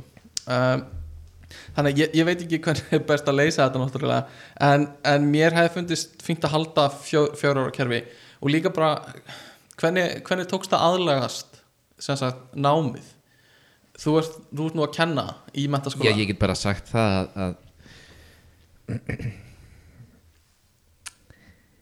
að það er sko, margt sem var nú tala ég bara frá einni hlið Já. en það var margt sem að var tekið út Já. en það er samt svo margt sem er verið að reyna að halda í af því sem var tekið út. Einmitt. þannig að því tróðið einhvers staðar annars staðar inn í þannig að þetta verður bara jafn mikið efni fyrir, fyrir vikið. fyrir það vikið. of mikið efni til að byrja með já, Já, en þeir vilja svo mikið halda skilur í þetta og halda í hitt og, og svo kannski það sem var heilt kaplið um eitthvað þá er það bara smá kynnt og svo bara "Oj, ég gerði þetta. Já, já, það þetta, er er, þetta er samt, þetta er náttúrulega bara ég, ég vil ekki opna þessa, þessa, þessa ormadollu sem er uh, ég að gagna MR en, en þú veist, þetta hefur að gera með bara hvað þetta er úreldur hugsunarnáttur að vera eitthvað að tróða alltaf miklu á alltaf skömmum tíma til einskis og jáfnvel hluti sem, að, sem að eru svo hvað sem er gerður á næsta metastíði já, Já, það er náttúrulega ekki nema bara síðasta árið að einhverju leiti, ekki öllu. Já, en já, ég veit ekki hvað við stöndum líka þegar við komum út úr mentaskólanum núna sko. Uh, hvort við erum undirbúin undir háskólan eins vel, betur, verð og hvað þá samanborið var að þjóður Var það ekki bara verið að tala um það núna einhvern tíðan fyrir ekki svo löngu síðan að, að, að ég heyrði til dæmis bara hérna ref á f- fyrstu hendi að það var hérna vorum að tala um það að það var einhverjum nefandi sem kom í viðskiptafræði Já. úr MR og hann var í svona starfræði greiningatíma bara svona, bara svona bara starfræði greining B eða eitthvað. Já, og þá var að vera að tala um hérna kósi öðru pluss inn í öðru sem jæmt á einn. Og hann vissi ekki hvað hva, hva, það var rétt. Nei, nei, og allir, bara allir kennari í MR hlóða þessu sko. Ekki bara starfræðkennari Nei, ok. Það er svona MR-kærarinn í hnót sko Þetta er finnast upp í standi Já, en uh, færum okkur kannski frá metakerfunni en munið eftir einhverju svona já, við skulum fara upp í bíl og keira aðeins niður nostalgíu göttinu okkar. Brúm brúm, áfram gakk. Nei, keira meira. Og vorum að pæla sko, um svona íslenska vörur. Sem eru kannski Hvernig var það? Ég maður það ekki. Vitna í MR lag gert. Já. um, uh, já, eh, Project X í- á YouTube og einhver vill hlusta á það. Crossfit-læði setjum það í show notes. Já, en uh, já, vörur veist, sem eru kannski ennþá í sölu eða eitthvað sem eru, eru show notes, sorry, nei, ekki svo er, það er alveg hægt að gera það? Gott vel, þá setjum við það ekki í show notes. Ok, en uh, ég er að hugsa eins og Prins Pólo það er bara enginn sem fílar Prins Pólo nema Íslendingar eiginlega. Þetta er bara eitthvað svona séklassa nammi í Pólandi sem bara var, fór á flug á Íslandi sko og einn, hérna, einn uh, bandarísku frændi okkar í Flórida sem að hefur alltaf svo gaman að eða ekki vonum kassa. Já, er það? Þetta er alveg svona Þetta er alveg svona eitthvað sem er oft í fjölskyldu bóðum eða eitthvað. Ef þú færði eitthvað þá er bara Prins Pólo alltaf. Bara Coco Prince. Þetta er bara Já. niður njörfað í samfélag Íslands. Ég tók líka eftir í Hollandi sko, Nammi-deildin í Hollandi er bara svipur hjá sjón með Íslendingar sko. Það er bara uh, Íslendingar eru með svo fjölbreytt nammi það er svo mikil áhersla á þetta. Þetta er í öllum búin sem það ferði það er bara jafn stór nammi-deild og þú ert með þurfurur eða þú veist meira jafnvel. En er ekki líka sigurskattur svo mikið á löndum? Í- það er alveg sigurskattur á Íslandi sko. já, hann er ekki að narðja mikill á í öðrum löndum. En þetta er ykkur eitthvað svona í hug sem er svona Ísland, það þarf ekki að vera vörun eins og bara, bara svona nostalgíu guttormur í hústýragarðinum þetta var eitthvað bara svona, svona uh, þetta var bara svona Keiko Keiko já, góð punktur mm hvað er, voruð þið með eitthvað hérna sem svona tengið sestu sko? Eitthvað sem svona kveikir upp nostalgíu hjá okkur? Ég er með hundra á eitthvað að dreina og það er ekkert grín sko. Eins og High C og Tom og Jenny saman líka. Já, ég, ég er líka með freska og tap. Já freska og tap. Hvað er tap? Það er frá Coca-Cola, það er hægt að framleiða í fyrra. Ég man bara eftir, sigurlaus kóladrykkur. Já, mjög góður sko. Ég man eftir freska, það var alveg gott sko. Já. En hvað segir Helgi? Sko, Láttu Það vaða var náttúrulega blárópal sem er náttúrulega þú komst með. Já, já, þetta er klór namið okkar. Þetta er bara, já, blárópal. Já.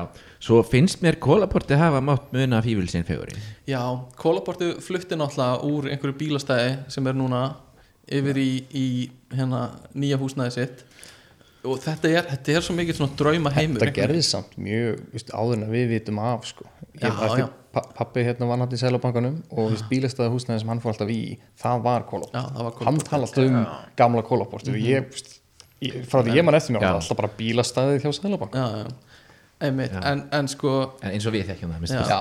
mér fannst alltaf mjög spennandi að fara í kólaportið Mhm. Þetta var alveg svona Þú veist að fara inn í einhvern svona eh, smá einhvern svona narnju heim þar sem allt er gamalt og alls konar gersemar og, og það er hægt að kaupa það var hann að bólinnir með alls konar Iron Maiden fíkurum á og, og Her- Hermannabúðin. já, og kveikirar með alls konar dónamyndum og eitthvað svona. Dóna pennar já, dónapennar geggjaði staði sko.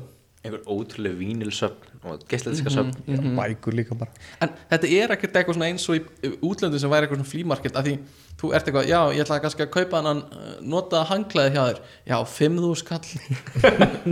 Það er ekkert eitthvað svona allt verður að fara, það er bara ég verð að græða á öllum hlutunum sem ég átti heima. Stimpla bara vintage og alla bása. Allir bara, wow þetta er, samt, þetta er eini staður þess að við höfum svona markað eitthvað svona flóa markað Mhm. og eini staður þess að gengur upp. Klálega sko. Því þegar ég gengum meira þess að í Erlandis þá kemur alltaf mér á óvart að einhver svona einhver lítil sjoppa, einhverju götu sem selur barnavagna eða eitthvað, að það gangi upp Mhm. Já, yfir höfuð. já.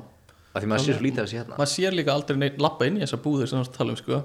Það eru alltaf bara en hvað segir Helgi? Sko, svo var ég með sko strætó, gamli strætó muni eftir hérna portinu aftur í með súlun í miðinu þar sem allir voru að hoppa þegar hann fór yfir hraðahindranir Er það, já, Ertu ekki að tala um hérna Hún, já, Já, Gormastræti. já, líka þeir Já. En sérstaklega er ég að tala um það sem var svona space aftur í fyrir hjól og dót og það var svona súla í miðinni Jú, jú, Ok. jú og það var söfnuðist allir krakka saman aftast Já, ok. svo þegar það fóru yfir hraðahindrin þá kom svona ekstra gott búst sko þegar hann hoppaði sko okay. ég man ekki eftir þessu en þetta er að munur lengur eftir þessu og Já. man eftir þessu. Svo er ég hérna með hardrock í kringlunni. Já, Bíllinn hérna innum. Já. já. Bíllinn legendary, sem var hálfur inn. le- legendary staður alveg rétt, það er Það er náttúrulega hérna það sem að Jonah Juice er núna. Já, og, og Hans og, Nespresso. Mhm. já, svo var ég með Eden í hveragerði. Já, rip. Sástu það einhvern tímann? Ég fór þangað einhvern tíðan, já. Já. Ég man, og, lítið eftir, en mér datt það í hug. Það minnir mig líka svolítið á Tomma í hagköp, Tomma Tómat já, sem var í hagköp, er, eftir honum. Ég er nefnilega alltaf að koma inn að við erum með rosalega mikið af svona kvöld klassik gömlum lukkudýrum fyrir vörur. veist, klói, pulsu hérna, parið, Parið, dreit, Gotti. Allt svona dót. Gotti sem Ar- er argrímur Gotti er bara argrímur þetta er bara argi sem við erum bara sem er að selja okkur ost og það er bara argrímur vinnur okkar sem var í podcast. Líka svalakallarnir og eitthvað svona dót, Já. Já, við gerðum alltaf eitthvað visual fyrir krakkana sko. Svalakallin eru held ég tekin grafík þar í útlöndum. Er það? Já, Sveil, mm, sveil. Get your juice. Mm, Hvað segir Helgi? Já, svo var ég hérna með að það er ekki bílbelti aftur í Er það nostalgía sem þú tengir? Já, ég man eftir því sko, þegar ég var lítill þá er frendi Bring minn grænan, grænan passat sem var með, ekki með bílbeltum aftur í, með svo mikið sport að sitta aftur í Ah, sko, ah. ekki bílbelti. Ok. Svo er ég hérna með tappalegu kók. Herðu, geggja, tappaleikinir Holy fuck, munið eftir gulu töppunum? Já, ég, ég, ég, er- ég er að refa í það sko. Þetta var líka bara gjaldirir Þetta var bara, ég átti bara póka sem var fullar af tapptöppum og var bara, ég á 20 tappa hérna, viltu být Er þú sem krakki þarf að drekka ógeðslega mikið kók og þá færðu fótbolta. Sem er by the way ömurlegur fótbolti. Ég var, þetta er, ég hef sagt frá þess að held ég einu svona áður en einhvern tímann þá, þá var pulsuleikur í gangi á pulsupakkunum og ég tók með mér heim alla pulsupakkan úr einhverju skólagrilli einhverju alla skóla. Og ég bara eitthvað, má ég taka hennar ruslapóka heim? Og þau er bara, já, já og svo fór ég að stimpla inn og vann bara fullt af drastli úr einhverjum pulsupakkum þetta er mitt besta move hingað til. Pjúra gróður. Sko, svo er hérna eitt sem er ekki alveg en þetta er til ennþá held ég. Pizza 67 og Hrói Höttur. Já, prófið höttur var gott sko. Klálega Var, kom það ekki aftur? ég held að Pi- Pizza 67 var allan í vest Það er til, til í það? Ég held að Hrói Höttur sé alveg liðið sko. Já, það er liðið sko uh, Vídeolegur, bónusvídeó, myndheimar og svona. Þetta var the place to be sko. Bara fara í bónusvídeó á lögadegi með 100 kall eða 50 kall. Já. Og það er bara nóg skilur En líka þú veist, nammi bara er það sem að þú velur og þau setja í Já, pókan þau setja í já. pókar Má ég nokkuð fá uh, svona. svona? Aðeins meira takk, aðeins meira. Já, og það er rauninni kemur síðan næst beint á eftir það eru Shoppunar það er rauninni ekki til sjoppur í dag. Nei, það er mjög lítið, það er leiðilegt sko. Svona ein single sjoppa skilur í rimakörfi eða í vesturbænum eða í Svona vikivaki, snælandsvídeó og svona þessa sjó vissulega er vikivaki ennþá til. Já, Og mann grunar alveg að þetta sé núna bara eitthvað svona veist. Já, já, Uh, já, ég veit ekki. Þetta er bara front. Ok, svo, svo munið allir eftir í Pokémon. Já, já, Pokémon. Það er nú, og íslenska talsetta Pokémon. Við mm, gæti alveg ég verið Latti sko. sem talaði fyrir alla.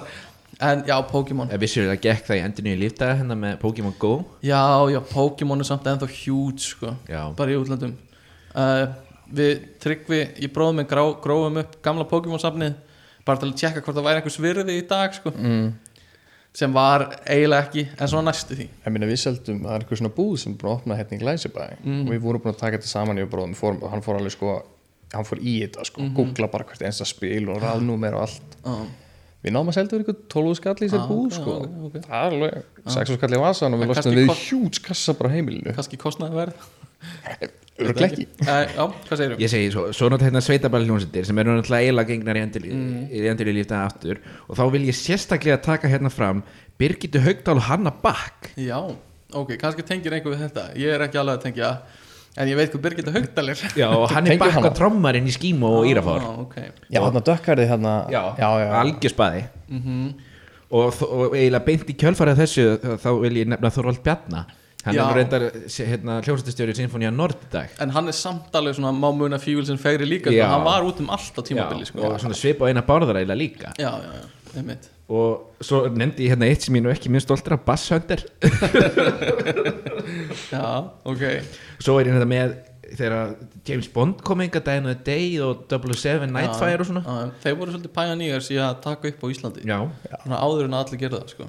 Og svo eitt hérna sem að var nú reynda, reynda endurvekja í COVID morgun sjónvörp Já, það sem að í staðan fyrir þessi morgun þáttur í útverfinu þá er bara hérna Gulli Helga og, og, og, og hérna einhverjir bara í sjónvarpinu að fá fólki Ís- Íslandi. Beatið? já, Íslandi bítið sko. Já, ok.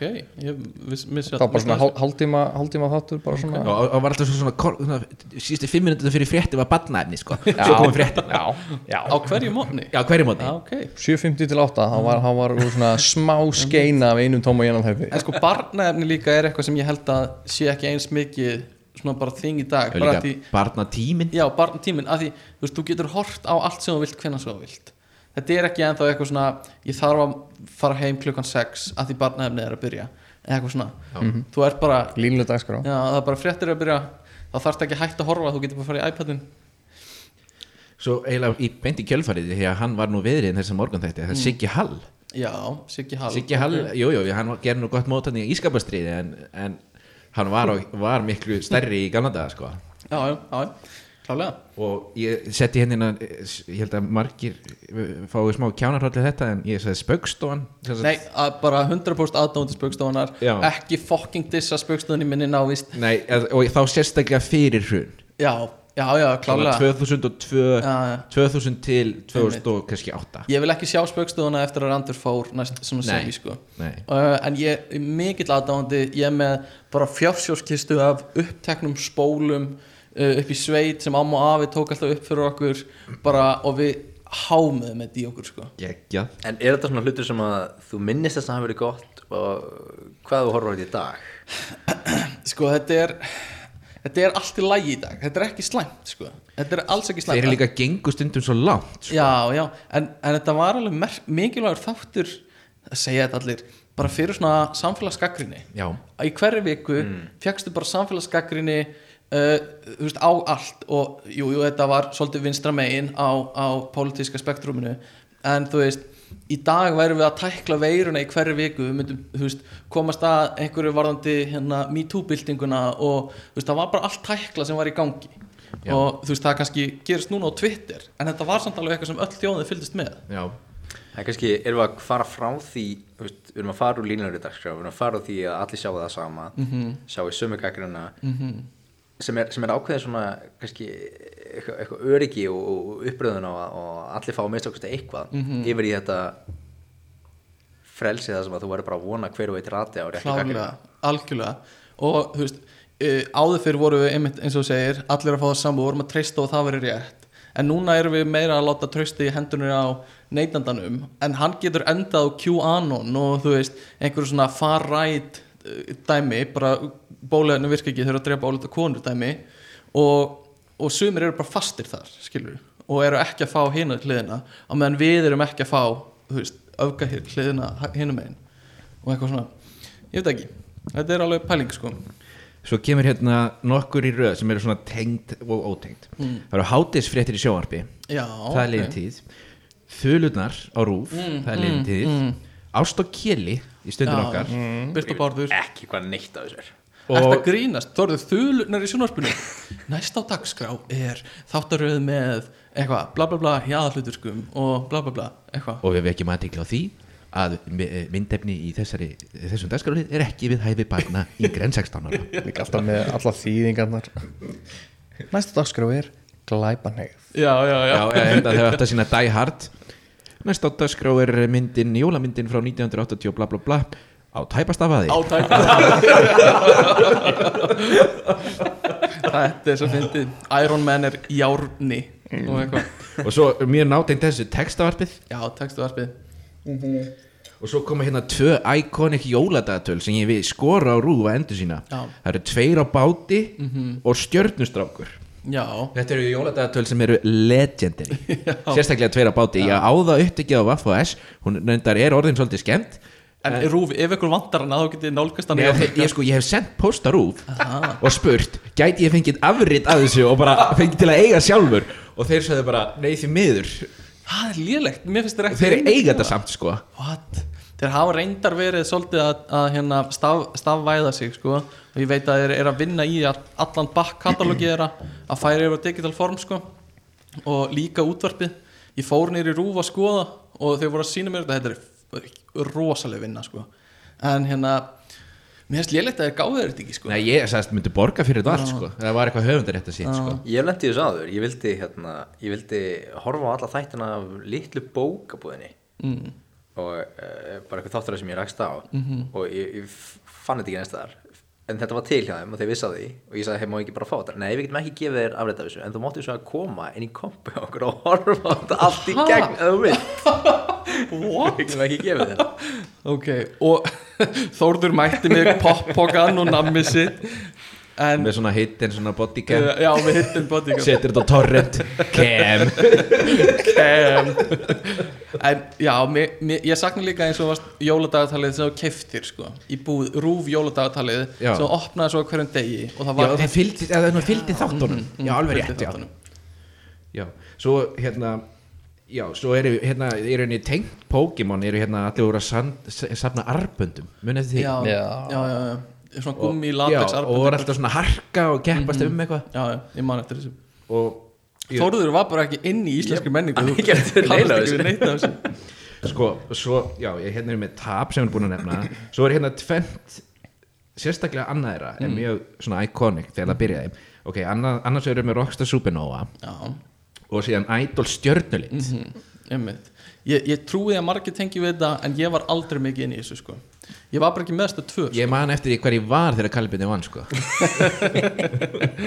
já, Ég held þetta líka, já, ég held sér með, með, með það staðsningur hinn Ok. Hvar Helgi var þegar þetta stjórnlega ok, og svo koma hérna þrjár manneskjur sem eru svona til í dag og allt það Já. en er ekkert í Það erum ekki bara, það eru til. Það er Sigga Beintins, Já. Unnu Birna og Jón Ársæll. Já, einmitt. Jón Ársæll, góður. Er sjálfstætt fólk já, já, já, já. Sé, sé, mér Þórður. Sé ég tára á kvarmi sé ég tár á kvarmi Góður. Og svo hérna munið alltaf eftir því þegar maður fór og kefti Mountain Dew og fekk svona glansmyndir með. Nei, ha, strákar?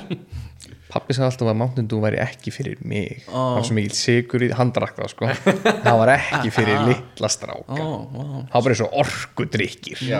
Vondudrykkirnir svo er hérna eiginlega held ég sem að allir myndu nefna að það er McDonalds. Mm. Muni eftir tölvuleikjunum á McDonalds. Nintendo Já. græjanum einmitt. Þetta er, eh, sko Ekki Þórður. Mér langar ekki að- er það of en þetta er að verða svolítið langur listi þannig Já, að, má ég, má ég skau, sk- skauta hérna aðeins já, bara ertu með highlights úr restinni? Sko ok, SS Pilsu vídeospólpakkar Já, klálega. Uh, Allt sem fylgir með matvöru. Já. Það er alveg hægt að fylgja eitthvað dót með matvöru og ég fíla það ekki. Mhm. Bring back dót með matvöru já, já, svona serióstólt. Já, og cornflakes kaupa, Já, kaupa Tom og Jenna keks svo Það það að kalla e- það. eitt sem að verður eiginlega nefna það er 70 mínútur. Já, djúpalögin. Já, uh, með Gíslamartinni já, já. Lögutaskvöld var það ekki? eða það uh, kompás? Já, kompás. Sko, Helgi er með bara langan, langan, langan lista hérna. Finnum við alla hálnaðir sko afruglæri Digital Ísland og breyðbandið Tómi var búin að nefna Digital Ísland áðan. Já. uh, Seasonal. MSG af hvítu rauðu og bláu Dominos-kassarnir Já, já, sakk Burger já. King, Gunn og Felix. Gunnar Felix. Kvikmynd.is, leit.is Já, mér finnst svo Hugi fyndið- punktur is. Já, hugi Mér finnst svo fyndið að nefna svona manneskjur sem er alveg ennþá til í dag. En já, og B2.is, muni eftir því. Já. Það var hættuleg síðan. Batman, Batman síðan. Já, Býtu, Það er svo, uh, basically bara svona Þú gast postað einhverjum svona þrá, einhverjum svona linkum með eitthvað og stundum voru dono dono linkar. Það? Já. 4chan dæmi. Ekki beint held ég spjallborð þó að það gæti verið, ég man ekki nógu vel eftir þessu var en ég man bara eftir að hvers það var getur sem fórst inn þá opnast eitthvað annað mm, ég Er ég að bulla? Ná, Mér myndi að það var eitthvað svoleiðist en ég man bara að þú varst gast skoða einhverja linka sko. og þetta var svona eitthvað svona borð sem þú gast hengt upp linka. Minni mig, en það er örgulega ekki alveg rétt sko. Heyrðu, svo er hérna Hilsubælið Úlendulendov ok, uh, Jarðabærinsvali Gídeonsfélagi og Nýja testamentið Gerjón Kívanísklúpurinn að gefa hjólahjálma. Já, já, já gul, fenguðu gula? Já. fenguðu gula Ég ég hjólahjálma? bláa Þóruður, hvað er að þér? en gulu hjólahjálmanir alveg klárlega. Ég nota það svo lengi. Já, þetta er góð, góð minninga þetta er, þetta er svona highlights. Já, þetta voru highlights. Takk fyrir þetta Helgi, þú fórst alveg above and beyond í þessu sko. Ég held við bara covera allt sko. uh, Og mér langaði sko að klára hérna á, eða ekki klára, mér langaði að fara, færa okkur yfir í, sko, íslenska tónlist, bara eldsnögt. Og mér langar að flokka það svolítið í sko, svona fjóra flokka um, og mjög gróft en það er svona innlend tónlist sem eiginlega bara Íslendingar hlusta á.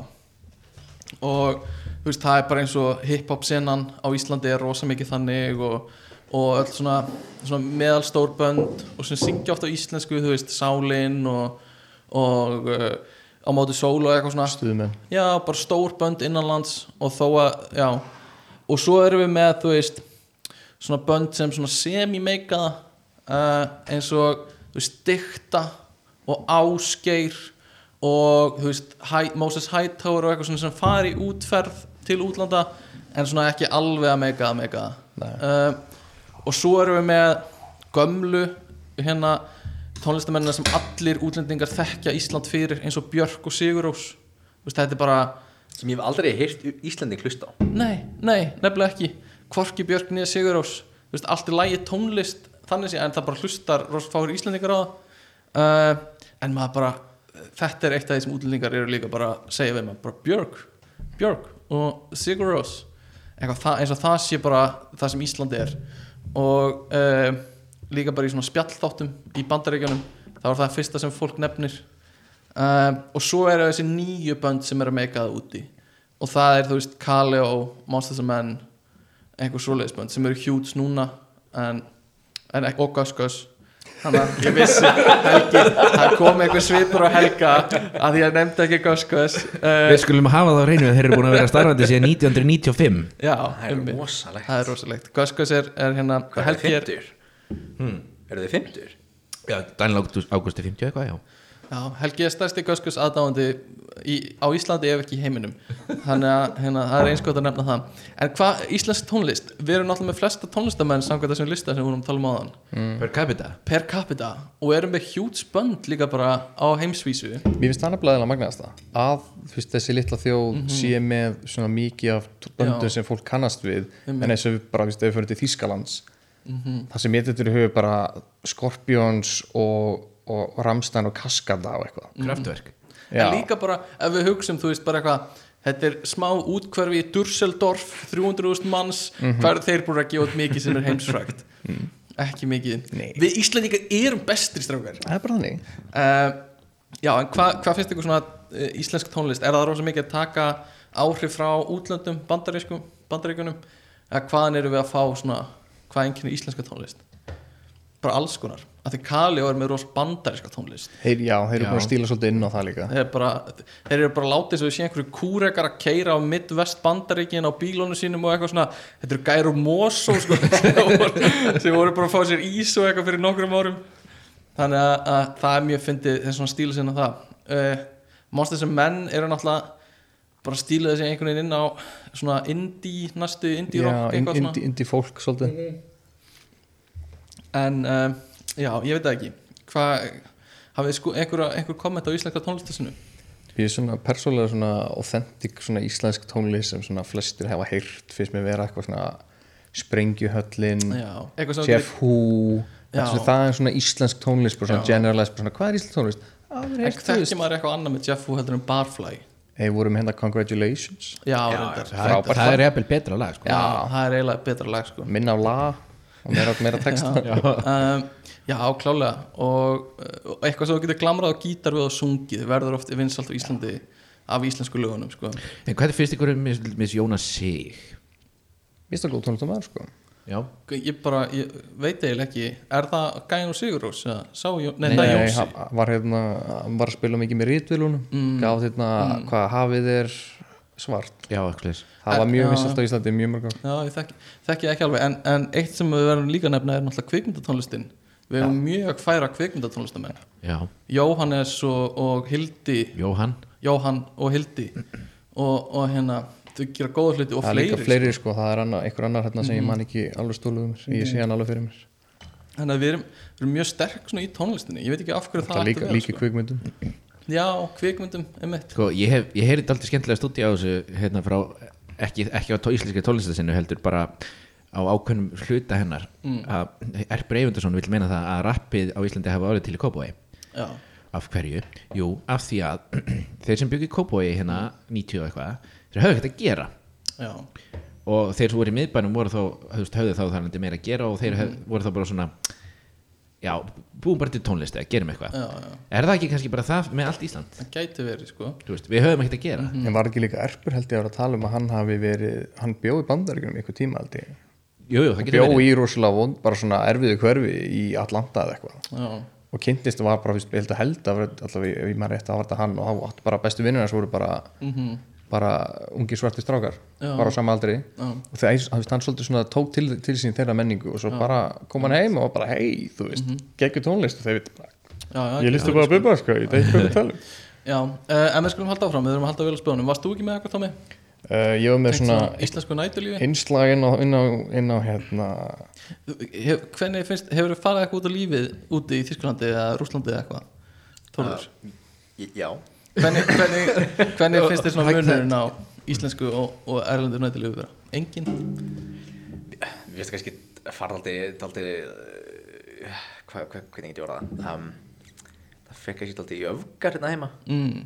Er fólk fallegra úti eða svona meira pen með hvernig það er að drekka? svona dannað. Já, með drikkina sko. Mér, mér finnst það allavega. Mm Mér finnst auðveldar að vera eitthvað nýri bæ hérna og finna fólk sem að um, er bara að leita eftir útrás föstudagsins Já, og, og nýtir það svo í tækni. Skamdegist unglitið Maður heyrir náttúrulega af fólki sem fer nýri bæbar til að leita sér af áflógum sko sem er alveg bara það heimskulegasta sem ég bara get ímynda mér sko. Það er svo mikið lose-lose situation. Já, Var það ég að gerast núna í, Jó, í nýlega, eða? sko. alveg rosa mikið sko. Klálega sko. En hvað segir Tómas? ég kom bara með bara svona nokkar svona general punkta sem ég finnst svona Mhm. svolítið svona binda saman íslensk hérna, nætulíf meða við aðrar þjóðir og, og útlönd. Uh, almennt það var ekki rukkaðin að klúpa var að breytast mjög nýlega. Já, já, já, en það er svolítið sko þú veist eins og þú veist, í útlöndum er ekki rukkaðin á bari. Það er sitjandi stemming þá Mhm. færðu bara inn og færðu bjór. En um leið að komið eitthvað dans og þú veist, eitthvað svona dæmi konir bouncerar og fleira Mhm. þá er alltaf rukkaðin það er bara undatekning ef það er ekki svoleiðis í hvaða landi sem er. Íslandi, bara er það ekki þannig? Mhm. Uh, við byrjum oftast mjög seint og við hættum ennþá setna Já, það er bara, við veist að því að það er opið lengi þá einhvern veginn höfum bara áfengið dýrt á Íslandi. Mhm. við mætum í bæinn svona fyrsta lagi 11 finnst mér, það er svona alveg að snemst það sem að fólk já, Það var einhver forræðisíkja í umræðinni að, hérna, að sjá til þess að þessar reglur um hvað, 11, að loka 11, að loka 1 að loka 2 eitthvað, ættu bara að halda sér með þess að fram yfir. Það var leiðilegi lögjumadurinn sem vildi ekki leifa að hoppa, á, hem- að hoppa um helgar og, og loka djaminu bara klukkan eitt. Veistu, mér, ég er bara samanlega mann já, já. Ef við setjum þessar reglur allir heima að prjóna og, Ég skil alveg þetta sjónamið, þú veist, mér finnst það alveg make sense að mörgu leiti um, en, en ég get líka alveg skilja að margir eru ósattu við það. Ég er líka, mér finnst, það er mækjum svo vanir þessu. Það er enginn að kvarta þá hann þurfa að vera mættur í bæinn klukkan 9 stafn klukkan 11 Já. en ég held að bara, þú veist eins og þegar helgi og það er vetur og okkur svona dæmi fólk hefur líka bara gaman að að vera kannski klára að vinna á föstudegi eða skóla og hafa þá líka einhver tíma fyrir sig en ekki að vera, þú veist, þurfa að vera mættur í partí klukkan 8 Já, að geta verið mættur í partí klukkan 9 eða 10 geta það bara tekið svona tvo tíma sjálfur heima. Já. Sko, við fórum stundum í bæin eftir vísindaferðir í háskólanum. Fórum stundum í vísindaferði í fyrirtæki og eftir það eh, fórum við beint neyri bæ. Já. og það var alveg svolítið skrítin stemning að vera mættur í bæin klukkan 7 sko. og sitja bara á bar og þú veist, þú veist að jammið byrjar ekki fyrir en eftir 5 tíma og, og þú veist, þú ert bara sitjandi þannig og það er enginn að dansa eða neitt svo leiðis uh, Þú ert satt í eh, á einhverjum bar með 50 öðrum vel smurðum aðilum svo það verður alltaf læg Já, já, stundum lendum við því, stundum voru við bara nokkri sem fóru saman en uh, ef við myndum flýta sko jamminu þá gæti þetta passa betur saman sko. þannig að þá gætir við komið úr vísandaferð og mætt í bæinn það sem er mögulega eitthvað smá líf sko. Það er það sem gerum oft í lifafræðina því náttúrulega minni hópur og ekki svo stórt nefndafélag og, og svo leiðis og þá takmarkaði fjöldi í vísitaferðir Já. það var oft þannig sem að, að einhver á hérna á stúdnagörnum bauð bara í lítið partí hjá sér. Um, og var bara létt að vita kannski fyrirfram að fólk að búið að koma kippu fyrir þar eða hvernig það var. Fór svo í þessi vísitaferð, svo fóru bara allir saman þanga og löppu svo bara í bæinn þegar þau vildu fara í bæinn sko. En varstu með meira, eitthvað tengt þessu? Já, já, ég er með einhvern maður lista hérna um, Mér finnst miklu vera hérna um live tónlist og Já. svoleiðis. Það er svolítið svona íslensk menning finnst mér. Ég Já, læt það finnst náttúrulega þér vera. það? Já, mér finnst það bara svona meira af sitjandi stöðum með bara svona lítið, þú veist, ekki eins og band meira bara svona einstaklinga sem kunna á hljóðfæri Ok, og svo bara vinna þið saman. Ok, já, ég get alveg séð það. Ég, ég held að sé svolítið að það er náttúrulega bara þessi trúbúrst og staðir sko, en mér finnst samt ofta eins og í útlöndum það kannski út að það er bara fjölbreyttara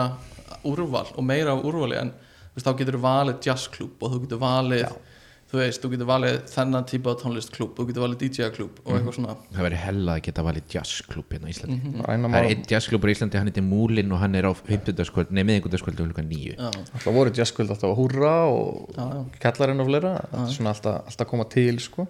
Hvar er múlin? hann er í Sörstuloftum í Hörpu. Já. Ég ætla að skrifa þetta hjá mér. Uh, og meira? Já, ég var með hérna ég, ég ætla að veit ekki með ykkur en ég hef aldrei séð mikið af hjólum mm, á stöðum og Íslandi. Ísland bara stendur og fellur með því Já, að það já, já, Já, það er bara það sem við erum að vinna með. Ég eftir smástund ekki að tala um Nei. ég hugsaði bara, ha?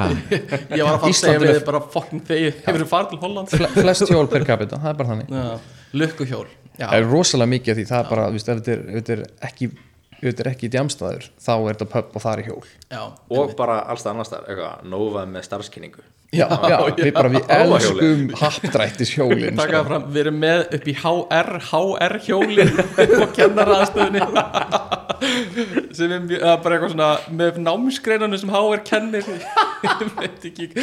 Ok, góðu punktur, Íslendingar er eitthvað obsessed með þessi hjól. Sko bara það er eitthvað í klikkið og klakkið í þessum hjólum, það er eitthvað spennið í sko. Já, um, hérna, mér finnst við alltaf að drekka rosalega mikið tequila miklu, mér, finnst bara hvert skipt sem einhver fyrir að barna alltaf að taka skot það er það bara tequila, það er eina sem við gerum ok það er ekki vodki, það er ekki þú veist, ég veit ekki, gin, sambúka eitthvað, það er bara tequila ok, allir með lime, alltaf salt og Ok. við veist flestum, flestum löndum allavega svona hérna, með suðrætni menningu mm. þá er bara, veist, þá færi þetta bara í stau og þú átt að eila súpa þessu sko. já, já, sérstaklega með gott tequila sko. það, við, við náttúrulega bara fáum síjara tequila hérna úr sko klósetvatninu og sturtum í okkur sko. ok já, um, hérna, eins og Helgi kom inn á hann, við látum ekki veðri stjórn okkur. Við djömmum ekkert eftir veðri, við förum bara á við getur verið versta veður í heimi. Maður hefur nú verið á jamminu í einhverju svakalegu veðri sko. salla menninga snjóstórmunin hérna. Snjóstormur þegar maður gætt bara verið úti sko. Já, ég, bara, ég gæti ekki stoppa bílinn þegar ég var að skuttla þeim heim. Ég, þeir fóru bara út að ferð, ég, svona, ég fó- hægðist mikið á mér og svo bara skuttlaði þeim út. Það voru bara 40 cm og ég var okkur litlu Ford Focus. Hann bara réð ekkert við að stoppa. Nei. Við líka við höfum eins sko, vi- vinur okkar Yngvi hann hefur nú bara dáið úti í desember og sem betur fyrir var þetta hlýr desember og það fór ekki undir hrossmark en hann hefði getað dáið ef þetta hefði verið venjulegu desember sko. Já, þetta var bara slæmt sko það var bara mjög slæmt sko. um, Hérna, klúbaklósett á Íslandi. Já, þau eru ógeðsleg. Mm, og þau verða bara verri eftir því sem líður á kvöldi já, já, já. ef fyrir einhver klúb í útlöndum þá er þetta bara eðlert fínt klósett að mannski sem sér um að þrýfa þetta svona nokkur reglulega. Er það málið samt? ég, ég vona það, það er allavega eitthvað. En það þú veist, þú ferður á klósett á Íslandi klukka fjögur nótt Mm. og það er bara klósettsetan að fara af og það er klósettpappir allstað sem þú veist ekki hvarla af væri allt blöytt, allt, blöytt á klósett Já, á það úti pissuskálar. Ói, það er svo mikið ógeð. þarna fjóra manna Já. já. já, mér finnst það breyla, mér finnst það frábær bara, bara, og maður gætt verið að labba og maður var alveg í spreng og maður gætt hoppa Það er sniðugt en það er ekki góð lykt. Nei, það var bara í almennu eitthvað. Nei, bara út á göttuhotni Götu þannig sko. Já, já, já, Það er bara síki hálfa metri frá þeir sko. Já bara, og ég notaði alveg einu sinni að tvisar sko. það er bara, og ég var alveg í spring og það er bara mikið löst skellt þessum klósettum upp hérna á Oktoberfest, það var haldið senast. Mér fannst það frábær það er frábært. Það var ógst, þú veist, af því að þú syns þú með stelpunum voru í þvílíku nöðminu kamerana sem bara fínt, þá þurfum við ekki að fara á það er léttir fórum alveg. við bara hérna, bara fjóru görur saman bara blessi, blessi, þú veist, við erum bara metr bara 20 cm frá haustum okkur verum fín stemming. En eitt líka við Íslands jam er hérna Já, þeir bara endalust verið að end, koma nýnöfn Það er bara kennitöluflakki já, það er bara mánabar, nei uh, hverfis, nei, park, nei hverfis aftur, nei, eitthvað svona. Nýr hverfis. Nýr Það er hverfis B5 já, uh, bankastrætti bankastræti klöð klöp og BFM færði sig á hverfis. Já, einmitt. Hérna, svo fannst mér bara þess að verðt að hérna, kom, kom inn á hérna kom inn á rú, hérna, raðirnar á Íslandi. já, að því veist, raðir á Íslandi er svo skrítið koncept mm, það eru ra- myndast raðir á örfástaði og þar sem myndar, myndast raðir þær eru, þú veist, þú getur verið klukkutíma einn og hálfan að komast inn. Já, og oftast allavega svona þessum þekktari stöðum príkinu og bankstæti klöpp og sóló núna og eitthvað svona er dæmi. það bara B5 fjandinn hafið það? Ég har að koma annars sem já, en þú veist uh, það er sem B5 var já, já, ok, að hérna, að þú veist, oftast eru þessar raðir ekki af því að það er fullt inn. Nei, nei af því þeir bara, þú veist, þeir búa til raðir að mynda eftir sókn og fá bara svona steady í fjölda það sem ég vita bara þeir geta coverað expenses fyrir kvöldið.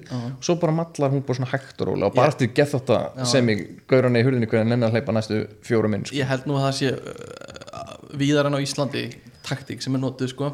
Já, og mér finnst það bara mjög svo raðamenningin í Íslandi svo undarleg. Að þetta eru bara einhverjir valdir þrýr staðar já, ég kann að meta ræðinar vegna þess að ég gaman að þeim sko. einn að fá í stöðunum þar sem að þú getur tala við fólk sem þú þekkir ekki það er erfitt að gera það að staðaldri á Íslandi. Mm. Ísteræt og skrítið. Það er skrítið já, skrítið. Einmitt, það er góða punktur hjá þér. Raðirnar, já. Líka reynslan að taka með sér í nesti sko. en maður veit maður er að fara á stað með röð mm. þá er alveg öflugur að taka bara einn í plastglasi út og Þú gerði nú, við vorum að býða rauðu lengi. Þú bara hoppaðir inn á staðin sem var engi rauð Tókst þér já, bjóri hann var alltaf bara að handa við hotnu, við reyðvist ekki þannig ég fór bara, fór bara, fór bara yfir á næsta stað greið með plastglasi og kom tilbaka. uh, er, Ef þú ert ekki með meira Þá var ég til að halda áfram. Ég er með, ég er með þrendi viðbúð Ok, hvað er með? Það? hérna rútur fyrir bjór. Já, mér finnst ég ekki að sé það annarkvæmst bara kassi eða kippa. Já. en við erum alltaf með þessar tíu rútur bæði stóra dósir og... rétt hjá þér. Já, er það ekki? það er er alltaf eitthvað svona ferðalagið eða eitthvað þannig við þurfum að vera eitthvað handtæk en við erum Klart í kæli já, en kippan er ekki nóg og kassin er á mikið þannig við þurfum tíu stykki. Já, ok. Þetta er líka söludrygg sko að því að þú, kannski keipa væri nóg Já, kannski, já. en setjum þetta í rútu þannig að þið kaupi tíu svo geima þið bara fjóra. já, já, uh, mér langaði bara svona mér langaði að spurja ykkur hvort þið væru með svona ykkar versta og besta staðnir í bæ. Ég er bara góður með stað þar sem ég get set, setin sest niður finnst oft þægilt þau eru með trúbadór eða eitthvað svoleiðis að því það er skemmtilega lög til að syngja með og það er bara eins og, ég veit ekki, íslenski er oft næs setast niður, uh, æri sem er trúbadór stemningu ég er ekki mikið svona englis eða eitthvað svoleiðis. Nei, þó að það sé svipi stemning kannski eða danski en, en já, ég veit ekki, eitthvað svoleiðis. Fekk ekki bar 11 að líða illa í, í vitund djamara fyrir að vera vestistæðurinn? Jó, það var náttúrulega bara þunga rock rock staður með svona, með svona skítu að dópista menningu einhverja, eða svona stimpil á sér. Ég stundaði hann aldrei sko. Nei ég fór ein, einu sinna inn veginn í einhverju einhverju rugli, fekk sætla minninga tvöfaldan Opal í kók í snæð fyrir tvöfaldan hérna, var rom sem hétt Oak Heart. Ói, bara. Nice. og ég, og, og ég, ég fatt það ekki fyrir ég bara, ég líkt að skríti manneskan hefði bara sett sviss, hérna, notað sjúsamælin af Opal. Það væri bara smá líkt sko. Svo var þetta bara viðbjöður, algjör tjara. Ég fer, fer á barinn og segi bara hérna, er, ég fekk þetta tvöfaldan Opal í kók en ekki Oak Heart hérna rommið. Já, og manneskan bara, ó, leiðilegt og ég bara eitthvað, uh, ok, snýri mig við fór á hinn barinn sem var hinum megin og, og, og saði nákvæmlega sama. Hún bara, ó guð leið mér bara að redda þessu fyrir gefið þér í lægi því og ég eitthvað, já, ég alltaf í lægi það var bara von Ég sko, kallið mig miðaldra. Kaldið er minn staður. Kaldi, já, Kaldi hann er segur, miðaldra. hann er segur. Ég ætla að kalla þið miðaldra fyrir það. Stig, þú stig hjá mér og stig hjá Stefáni á mismandi máta. Svo langaðum við að skella bara í, í eitt leik sem tekur mínútu. Ok, hvað er með það? Um, ég ætla að byggja ykkur þrjá um að nefna sem, sem ég ætla að setja bara tæmir hérna. Já, uh, ég ætla að byggja ykkur um að nefna eins marga staði niður í bæ og þið getið á mínútu, þrý saman og ég segi ykkur svo bara hvernig ykkur gekk með við mig bönnis út bara já, preferably að þið getið gert það einhverju skiljalegum ok. hætti þannig ég sé ekki að doppeltelja Þurðu það að vera til í dag? Já, þetta er staði sem eru niður í bæ núna. Já, Ok, ready, Já. þrýr, tveir, einn, byrja. Fredriksen Preikið uh, kaldi, Kaldi uh, B5 Club. Príkið, uh, Hérna sólon, so, Já, danski? Einski, en, já Íslenski. Irish, Íslenski. Uh, Ölstofan Ölsmiðan Lebowski. Uh, hérna, hérna uh, skúli, mikró drunken rabbit? Monaco. Er það ekki stað? Nei, ok. ekki til einhver Kiki Ó, Kiki, ka kaffibarinn. Uh, um, meina- loftið, Já, loftið uh, Petersen. Lundrumat er það staður? Nei, kaffhús um, Gaukurinn, er það til? Gaukurinn, já. Paloma? Uh, Hvað er það sem húrra er? Ok, hérna Hressó, Hressingaskálin Gummi Bj- Bja- Bjarni Fel. Hérna, það er bara húra nú voruð þið búin að tala um gamla bíó? Hérna, Pettersen, já. Um, hérna, hérna, hérna, röngen Röngan, Slæta sæta svínið. Bingo, 14 þetta eru 24 24, ok. Ég náðu Vá, hvað er 16 1 Ok, 16 1 og 24 saman. Er mikið? Já, það er slættir það er slatti sko. Um, það Ok, var líka að fyndi, ég, ég komst inn svona 12 inn svo var ég bara, uh, uh, uh, ég var að horfa á tíma og ég bara, uh, mm, staðinu sem er þarna göttuna sem allir vita hvað það lítur út ég man ekki hvað heitir. Um, þetta er svolítið eins og að nefna öll fylki bandarækina maður bara verður einhvern tíma stopp um, Ég var að hugsa bara svona nokkra menning svona íslensk menning, sund mikil sundmenning, já, Vá, ég skrifa þetta niður. Heitapotta menningin. Íspíltúrar Na, nakin í sturtu í sundi. Það er vist ekki þengi í öllum löndum. Nei, einmitt, uh, fara á rúndin Já, uh, jólabókaflóðið. Jóla tónleikar jólatónleikar, álf, álvar og huldufólk er alveg svona íslensk dæmi eitthvað. Uh, Já, ég var ekki með mikið meira þar bara renna hrætt í gegnum þetta að því sko og rúndurinn finnst mér alveg skeggja koncept sko. mm. um, að, að mikið, í, mikið í þessu MR uh, ekki mikið í þessu núna. eftir bílpróf fyrir drikju einmitt þá var það chillið sko. Já, mikið að rúnda á líka árum að þurfti að fara að borga bensinni sjálfur um, og uh, já, jólabókaflóð er náttúrulega bara eitthvað crazy thing á Íslandi. Bara allar bækur koma út á jólunum Já, ég skrifaði hérna með sumabústað að fara í Já, bústað fara í bústað er alveg gott thing sko á Íslandi. Líka útilegur á sumrin. Já, einmitt. Uh, og þetta er ekki sama á að fara í camping eins og í, í mörgum löndum. Nei, þetta er svolítið svona að nýta sér sólina meðan hún Já, er. og þú keirir bara inn á, á uh, tjaldstæðið tjaldar fyrir fram að bílegin pakkar saman og setur upp í bílegin við hliðina þér. Þú veist ekki að labba neitt með dótið eða, þess vegna eru bílhísi svo vinsæl. Mm, sem sem fara að palla og svona ég, dæmi. ég skrifaði niður hérna hjá með fastegnasalar þeir eru svo miklu spaðar. Já, svolítið spaðar á Íslandi. Já, þau eru náttúrulega bara hálfvitar í útlöndum þetta Já, eru lúðar. Þetta er svo fyndi Já, ég er fastegnasalir sko. Það getur þetta sko fjöldi af fastegna sölum Per sem sagt- capita sko. Já, þú veist bara, bara sölu staðir með fastegna sala Já. fyrir vinnu. Já. mér finnst óhugnanlega fjölda þessu. Já, mjög mikið. Mér finnst vera bara fimm stykki fyrir hvert bæjarfélag. Klálega sko. Um, en svo var ég með sko uh, fara, ert þú með meira Nei, nei, þetta er Ok. bara komið fínt. Uh, sko svona íslensk menningar líka er oft tengt uh, svona uh, skáldskap rosa stórt á Íslandi. Náttúrulega hérna við erum eiginlega eina þjóðan sem stuðlar. Það er rosa lítið gert annar staðar. Þess vegna bað ég ykkur um að koma með sko, ég gaf ykkur fyrriparta Talandi um að stöðla og ég stöðla ekki eins og nei, ég veit ég gaf ykkur fyrriparta af svona ferskeitlum og bað ykkur um að, að botna þér fyrir mig. Og hérna ég ætla að heyra hvernig þið botniðu fyrirpartana mína. Mm. þannig að fyrir kannski bara Ef við fara vísu eftir vísu Já, vísu eftir vísu. Að uh, Tommy byrja þú bara. Ok, ég ætla að teka fram, ég skrifa alltaf eitt ár vittlust niður áðan, þannig ég ætla að vona ég hafi ekki rugst og fleirum, því annars kannski geta þetta meiningin aðeins úr því sem mást að skrifa. Ok, Uh, meðan Alma Möller glöð mælir fyrir sprautum, gerist stundum ósköp gröð, geist hún flýr á hlaupum. Ok, ok. Ég var ekki með setjum bara þarna. Ok, allt er góð Þannig að Þá hérna- byrjar þú bara næstu. Já, þá byrjar þú bara næstu. Ok, þetta Sorry, fyrir þá sem skil Ég veit ekki, er kannski ekki alveg nóg vel inn í þessu. Þá kem ég með fyrstu tvær línunar fyrir strákana Og þeir kom með seinni tvær línunar Já. Og fyrir tvær hérna var rólegt sumar endar senn samt við vínið þömbum. Þetta átti ég að botna. Og ég sagði stórir sterkir fræðimenn samt í stofur römbum. Já, já, Ah, flott. við erum hérna inn í stofu.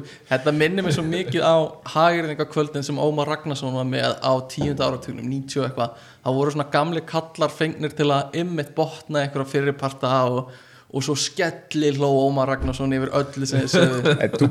Þeir eru þeim til varnar, við, þetta tók okkur svona tíu, tíu mínutu kortir, þeir eru á staðnum bara að bulla já. bara út úr sér rýminu og stuðla. Það er magnað, sko. mælskir menn, sko. Og þeir líka oft sko eitthvað svona, já ég var nú bara að koma út úr flugvélinu og ég sá hérna uh, að, að þessi kona hún stóð svona svolítið skringilega og mér datt þessi í hug við það til mm. bara svona út upp úr svona, og tengdi við eitthvað svona sögur sem voru lendi yfir daginn Fárlegt dæmi, sko. þannig að, að og þess vegna alltaf ég myndi að tengja sko við er, þetta er svona sumar sem var hérna uh, rólegt sumar og, og hérna uh, en maður var samt á þamba vínið eitthvað svona og svo kemur þú með fyrir lok, senni partí Uh, rólegt sumar endar senn samt við þömbum vínið.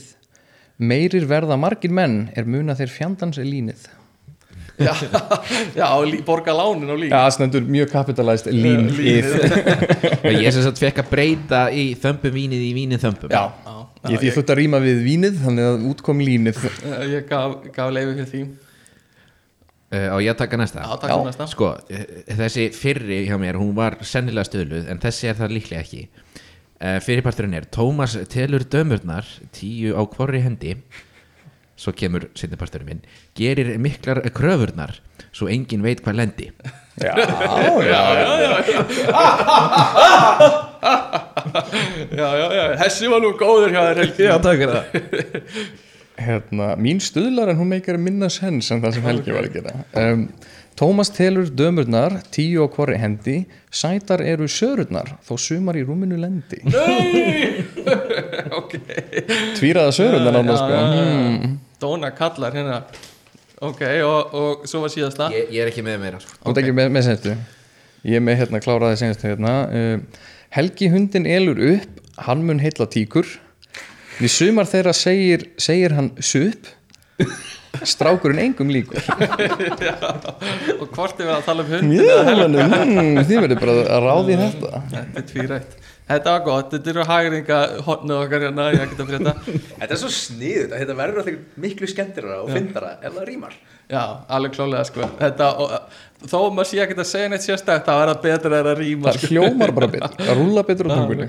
sko.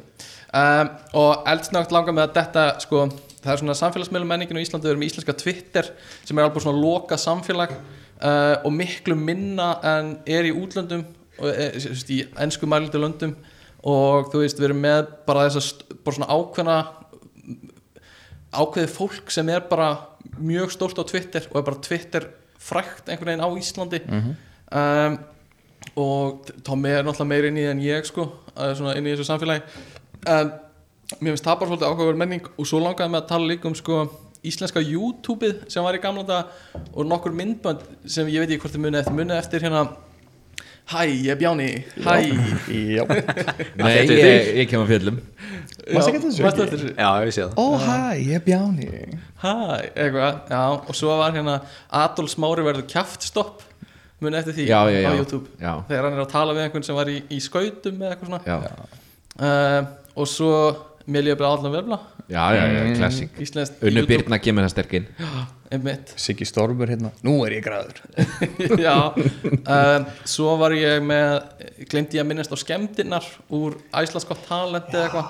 Það var einhver uppistandari sem, sem smá, eitthvað klúraði smá settinu sínu á sviði og svipaðum dúr gæjan sem kom inn á svið og sagði ég held að sviði myndi vera aðeins stærra. Hann, hann alltaf var mér, alltaf, mér fannst það virka eitthvað bara öllítið spes. Já, býttu, var það íslensku talent? já, það var það var alveg það var, það var svona sl- Exuðu þau ekki öll á hann? Jó, exu, það var, Hvað ætlaði hann að gera sem að kraðu svona mikið pláss? bara vera fyndin þetta var bara svona skrítin krefst sko. ég held hann hafi líka, ég veit ekki, ég vil ekki draga áldanir en það leit svolítið út eins og hann hefði ekkert undirbúið og ætla bara að koma inn á svið og ætla að vera fyndin uh, sem er alveg bara bold move sko.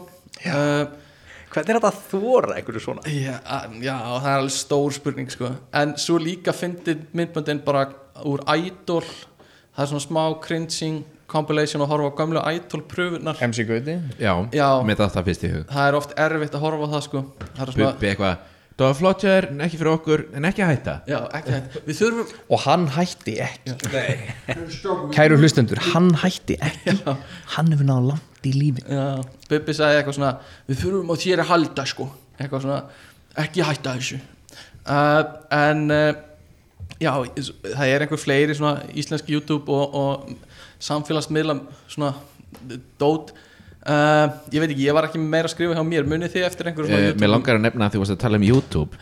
Þá eru hérna hérna þrennt sem ég langar að nefna sem að, eh, var ekki á YouTube en er til á YouTube. Já. Mhm. eru gamli sjónvastættir, það eru radíusbræður það eru fósbræður og svo tvíhauði útvarstáttur klálega, maður getur séð allt fóstbarar á, á, á YouTube sko. Já, mjög mikið allavega. Um, sko ég var með við að fara náttur á Íslandi, ég er ekki að sleppa í. Já, ég menn ekki ekki? að tala um bara flott náttur á Íslandi. Leiðilegt um, og svo íslensk svona datingmenning.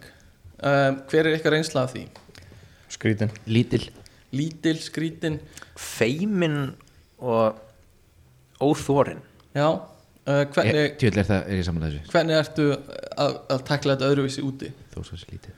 Að í- sko er það ekki bara að mér finnst einhvern veginn eins og við, við þórum ekki þetta er allt svo erfitt skref að að sína áhuga eða, eða endurgjald áhuga. Einmitt. maður er að opna hjarta sitt og setja einhvern, einhvern silfurplata Einmitt. og við bara þórum það ekki, við gerum það ekki. Við, við gerum það einhvern veginn óbeint óvarið og, og helst í glasi. Klálega, ég held að tengist þið líka hvað þetta lítið samfélag að þú veist, þú allan mín hugsun er ofta eitthvað svona ég veit hún er að fara að tala um þetta við einhvern sem ég þekki. Eða þú veist, eitthvað svona veist, ef ég kem afsnarlega út úr þessum samræðum eða, eða hún er ekki á sama stað og ég að hún er að fara að slúðra um þetta við einhvern sem sem allavega ef, ef ég þekki ekki mannskinu sem hún er að slúðra við þá þekki svo einhvern sem ég er að þú veist, þekki og það kemst einhvern veginn í kringum þú veist það vita einhvern allir í kringum með allt í hennu af þessu. Þetta er neikvæðasta hliðin í Ísland. Þetta gildir ekki bara um datingmenn Þetta gildir um allt. Allt, sko. Það kemur í veg fyrir að, að fólk væri kannski æfintræðgjarnara Mhm. en annars í, í, í að stopna eitthvað nýtt eða búa eitthvað til. klálega en líka svo veist, ég hef alveg heyrt að fólk sé að minnast að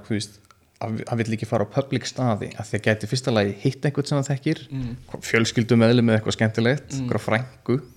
mm. frængu þú veist á barnum eða í steitinu eða hvað það er sko. Já. eða þú veist einhver sé að vinna á það sem þú þekkir einmitt. sem þú vilt ekki að sé eða eitthvað, þú veist, og þá náttúrulega strax bara Einmitt. veit einhver ok, og ég, fleiri um ég hef það, lent í þessu Já, Á, einhver, já, einmitt uh, já, þannig að datingmenningin er svolítið svona já, feimnari uh, kunnum ekkert að deyta kunnum við- að við- deyta við- ekki, við við gera gera. við horfum bara myndir í bandaríkjum hm, það og gerir þetta svona? Og svo reynir fólk og það fyrir veginn alltaf voða En reynir fólk það samt yfir Mér finnst sko þessi, eh, þessi hugmyndum að fara á stefnumót í- eitthvað svona nýtt frá síðust ekki átt ár. Já, já, það ég, er það já, öll já. date sem ég hef farað á hafa verið þannig. er stefnumót. Já, já, já. basically. Að því um, sko stundum heyrir maður eitthvað svona já, hann bauð mig bara út að borða á veitingast eitthvað svona bara, ha? Og þetta þarf Vá, alltaf að er despo, oh my já, ógeðslega despo, þetta þarf alltaf að vera svo casual. Veist, það, bara, það er bara öll áslag lögð á þetta sé casual. Það er þetta, þetta, er sama hræðslan að maður sé eitthvað svona, ó, ég vil ekki einhvern veginn vera of forward já, of forward og, og sína mikið hvað ég vil og eitthvað. Já, klárlega sko. Svo líka ég heyrði það hérna í, í vinnunni hjá mér í sumar, það voru að tala um að hérna, við vorum að tala um, um, um, um date, hérna, datinglífið á Íslandi og fleira að það er líka svona ákveðni hlutir sem að allavega karlmenn áttu sig ekki á sem ég fannst mjög áhugast bara að heyra. Ákveðni hlutir sem við kannski gerum ef við föttum ekki að er svona ekki endilega, víst, ekki í lægi meira bara svona við erum ekki að fatta að það gæti settar í óþægilega stöðu. Mm. eins og víst, maður býst þess að sækja einstaklingin mér finnst það bara kurteist og allt svo leiðis en víst, þá sagði vinkurum mér bara já en veist þá veit hann hvar ég er heima. Bara húsi mitt og hvar ég bý Já. og allt svona dæmi. Ég skil. Og veist og ef þú ert creep þá vilt ekki og að veist, hann vin, viti að því. vinkurum mér lendi í svoleiðis gauður og þá náttúrulega vissi hann bara hvað hann átti heima. Já, já, ég skil veist þá hún er ekkert að fara að flytja eða redda því. Nei. þannig þú veist og, er og, og, punktur. þá, þá fyrst strax hugsaði bara ok, er það ekki miklu betra frekar bara að stinga upp á neutral stað þá bara getið þið hist þar mm -hmm. þurfum ekkert að vita hvar, hvort hann náða heima. Mhm. Einmitt. ef örukurum aðalega líður illa þá getur hann bara farið. Já, veist, þannig, veist, það var svona þessi, þessi hluti sem ég pældi ekkert í svo er bara svona, já, líka veist, að fara inn í bíl hjá gaur sem kannski hefur ekki hitt, hitt áður eða eitthvað svona dæmi. Hann er að kera bílinn, sko. Þú ert ekkert að fara að hoppa bara út og ferð hérna á 60 þetta er ekki að ganga eða eitthvað Ég- svona. nema þessi 40 cm snjór. Já, en Ég fyrst þetta aðalega í kontekstinu að hérna, maður hafi kannski búið heim til sín í fyrsta dætt mm. á þess að fatta nákvæmlega þetta og mm. já, nei, byrju, þetta er þetta er ekkit endilega eitthvað sem að allar verið til í mhm, já. nei, nei svo maður líka bara svolítið að lesa hvernig, hvernig deytið er að fara, sko stundum er það alveg meikar það sens Já, já. og stundum er það bara alls ekki eitthvað sem maður á að gera og frekar bara að býða, sko Nei, Já, ég meina að þú veist að deytið eigi sér stað skilur á fyrsta stað á, Já, einmitt hérna, eitt vittfélag okkar er, er gert að það að bjóða, bjóða heim í mat og bara elda og gera svona gott úr því sko. Og þú veist það, það gengur fínt hjá hann sko, og allt, allt svoleiðis. En, en í stóð móti kemur þá get ég alveg einhvern myndum bara að segja nei því það er bara fara heim til hans og borða, það er- getur alveg skrítið sko. það er svolítið svona að navigata þetta hvað megar sense og hvað ekki. Já, líka bara öllum líði vel. Já, maður svona, viðst, við, ég ætla að kalla maður oft pæla ekki að þú veist, sumir svona hluti eru bara offputting fyrir konur sko. uh, en hvernig haldið það svona kynlíf Íslandingar sé, svona kynmenning með við aðrar þjóðir. Þú veist, er eitthvað svona, heldur við séum opnari með það að, eða þú veist, minna tabú að stunda kynlíf fyrir þú veist, þriðja date eða þú veist, er, er eitthvað munur á því tengt með við önnurlönd ég held sko með það sem ég hef heyrt til dæmis frá ákveðnum aðalega sem að er búin að vera lengi í Hollandi já, að ég, hann er virkilega virkur og eða svona já, og hann vil meina að Íslendingar séu bara kettlingar með til dæmis Hollendingar já, það Já. það sé meiri svona kynlíf og Já, kynorka þar miklu meira aggressiv og Já. svoleið sko svo samt líka sko, þú veist það er alltaf svo mörg sambönd til Íslandi þar sem fólk fyrir bara heim saman að jamminu og bara þetta gekk fínt mm -hmm. er, ertu næst manneska ef að borða, prófa að fara að deyta það hvað heitir aftur? Ef að borða saman eða eitthvað, daginn eftir Hefur þú farið heim með einhverjum og ekki vita hvað hann heitir? Ég mm, jú, jú. Ég hef alveg einhvern tímann verið bara í, í bara algjöru blackouti og bara vita ekki hvað ég var sko. en lukkulega hefur það ekki komið fyrir held ég oftar en eins og nefnari þannig einmitt. Súræðileg stemming get ég sagt ykkur. Ekki eitthvað sem að Bíómyndir látið alltaf líta voða eitthvað sva, svaka þeng út. Ég bara var týndur. Er þið með eitthvað svona datesögur eða eitthvað sem þið viljið deila? Jamsögur eða eitthvað sliðis að því? Nei, sínst ekki. Nei, en, þú veist, mér Og finnst það sko persónulegt kannski. Já, svo svona persónulega finnst mér, mér finnst aldrei mér finnst ekkert verra beint að að fólk hérna, stundin kýli fyrirfrekan er setna Mm. að ég að það sé svolítið leiðilegt að það komið investment og tími Mhm. og þið kannski búin að vera að hittast í veist, mánuðið að tvo og að fara á date og allt svona dæmi Mm. og geggja dæmi. Svo þið komið í rúmi þá allt er bara, já, já það, veist, það er bara eitthvað algjört no-go Já, fyrir minn persónulega smekk sem að hún gerir eða öfugt. Já, og þá allt er bara allt orðið mögulega bara ónýtt sko. að þetta er alveg stór hluti af bara mm. tilvægalífinu sko. Um, Ok, þetta er skemmtilega punktur já Og þetta er líka sko íslensk datemenning það er að þú veist, þú ert að deyta oft einhvern sem uh, einhver sem þú þekkir var í sambandi með áður. Mm. Stór partur af því. Að þú veist, það Nenni að segja þetta aftur. að þú, þú ferð heim með einhverjum eða séur hjá einhverjum sem þú veist einhver vinu þinn var í sambandi með áður Já, ok, ég heyrði þetta rétt. þetta var, þetta var náttúrulega stórt dæmi í mentaskólum og mentaskóla að þá voru allir bara þú veist ífa pennunum sinum í sama bleki skilur uh, og bara á því að þetta er lítið samfélag og maður þarf, þú veist, er að deyta innan skólans sem er bara gerist sko. Uh, en, en, en þetta er bara sama með all, alla þjóðina skilur að þú veist, þetta er ennþá lítið samfélag. Þetta er bara eitt mentaskóli, þessi þetta þjóð. er í rauninni bara einn mentaskóla þessi þjóð. Það er bara einn landinu. og þú ert Það er reyndar rétt. Já, og þú ert að í sambandi með einhverju mannesku og svo kemur í ljós bara að frændiðin var í sambandi með henni áður eða eitthvað skilur Já, ég, það er svona, eða fjölskyldumennum það er ekki eitthvað annað. Nei, blessuð.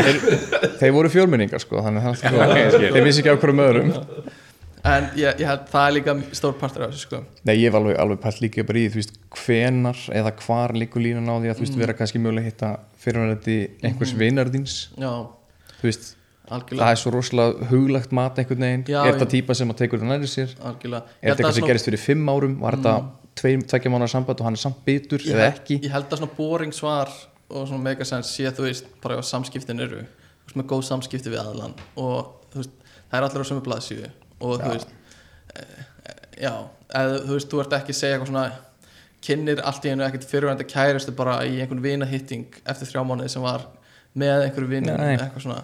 Þú veist, eða það er bara, eða það er allt upp á borðinu með það gæti það verið betra sko. Uh, ok, dating á Íslandi check. Lúmst langaði með að fara í framtíð Íslands en bara um örstutt. Sjáu þið eitthvað sem að fyrir ykkur Ísland vera miljón manna þjóð? Já, Eða- já.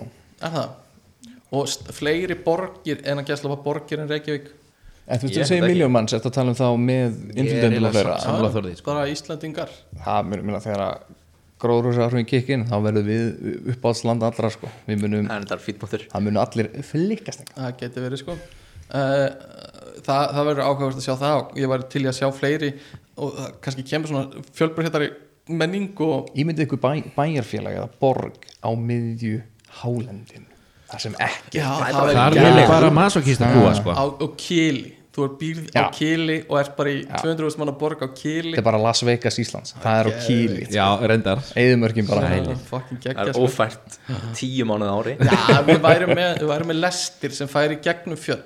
Og þú veist, bara göng út um öll fjöll og þú veist, þau eru bara Ég held að Íslandinga þyrfti að vera átnið 10 miljónur Já, það gerist. En þú veist, hvort, hvort haldið þetta að, að bæjarfélag og bæjir færist innar í landið eða bara meira meðfram allir ströndin mm -hmm. hvort haldið að við coverum fyrst coverum fyrr bara allan ringin það verður bara svona buna, Reykjavík verður bara svona lína. Mm alltaf það sko. Ég held að við séum minna að fara að færa okkur inn, inn sko.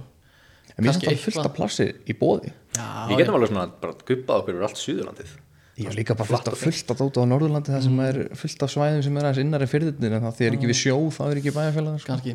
Já, reyndar Íslandingar er náttúrulega miða allt við fiskveður ég hef að segja það, áspyrki eða eitthvað skilur fullt af stóru svæðum. Um, Sko, í lokin lágaði með að taka smá svona uh, keppni á okkur, eru þið með eitthvað meira sem þið viljið tala um eða? ég held ekki. Nei, ég held ég orðið bara fínt sko. Ok, þá er ég með svona íslensk tónlist. Uh, og ég er búin að þýða íslenska texta. Ég er búin á ennsku uh, með hjálp Google Translate og þið ætla að segja mér hvað er upprænulega lagið Classic. og ég ætla að lesa ennska texta Er upprænulega lagið þá íslenskt íslenskt lag Já. okay. þannig að þetta er texti úr íslensku lagi and when you came into my life I changed You came, you touched my Þetta er, heart þetta er hérna Páll Óskar. Páll Óskar Já. með hérna Þú komst í hjertaði mér Þú komst í Já, hérstaði já. Klárlega uh, Ok, en, en þetta hérna Up in the giant You see a little light. Þetta er Róm og Bubbi Magnús. Vel gert. Uh, Hver er íslenski textin? upp í rísinu The giant. In the giant. Up in the giant you see a little light Warm hearts, faded rose Food scraps, curved spoon From the tip of the conscience. Þetta er alveg texti sem ég get alveg séð í alveg sko. Bon Iver eða eitthvað þá eru komið lag sko. Ok, næsta. Uh, Það er eitt eitt, já Helga og Tóma uh, I hate girls who iron my card.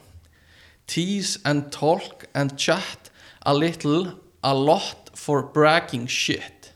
Yes, she's my bitch. And if she needs a ride, she's calling me. Er þetta nokkuð She's my bitch með tvíhöða? Nei, þetta er ekki það. Nei, ok. Þetta er ekki það. Þetta er hip-hop lag sem kom út fyrir svona fjórum árum, þreymur fjórum árum með ungum, tveimur ungum artistum. Er þetta, er þetta Jú, Björk B.O.B. Já. Þóruður með þetta, B.O.B.A uh, Ég kann ekki textan á íslensku Ég þetta, ekki, eitthvað. Ég fíla ekki allan, stelpur sem strauja kortið mitt. Mhm. tísa smá og tala svo eitthvað bla bla bla. Um, Það er B.O.B.A, það er 111 Ok, næsta. Mom is still in the kitchen. Something to do with food. Inject steak. She's, she is moving. Þetta, ég er svo mömmu Þetta ekki Þetta er jólalag, sant? Up to the size of a dish. Dad is still in trouble. Ég man ekki hvað On with his collar. Quick, Siggy. Dönsum við í kringu jólatré? Find the quickest my flip button.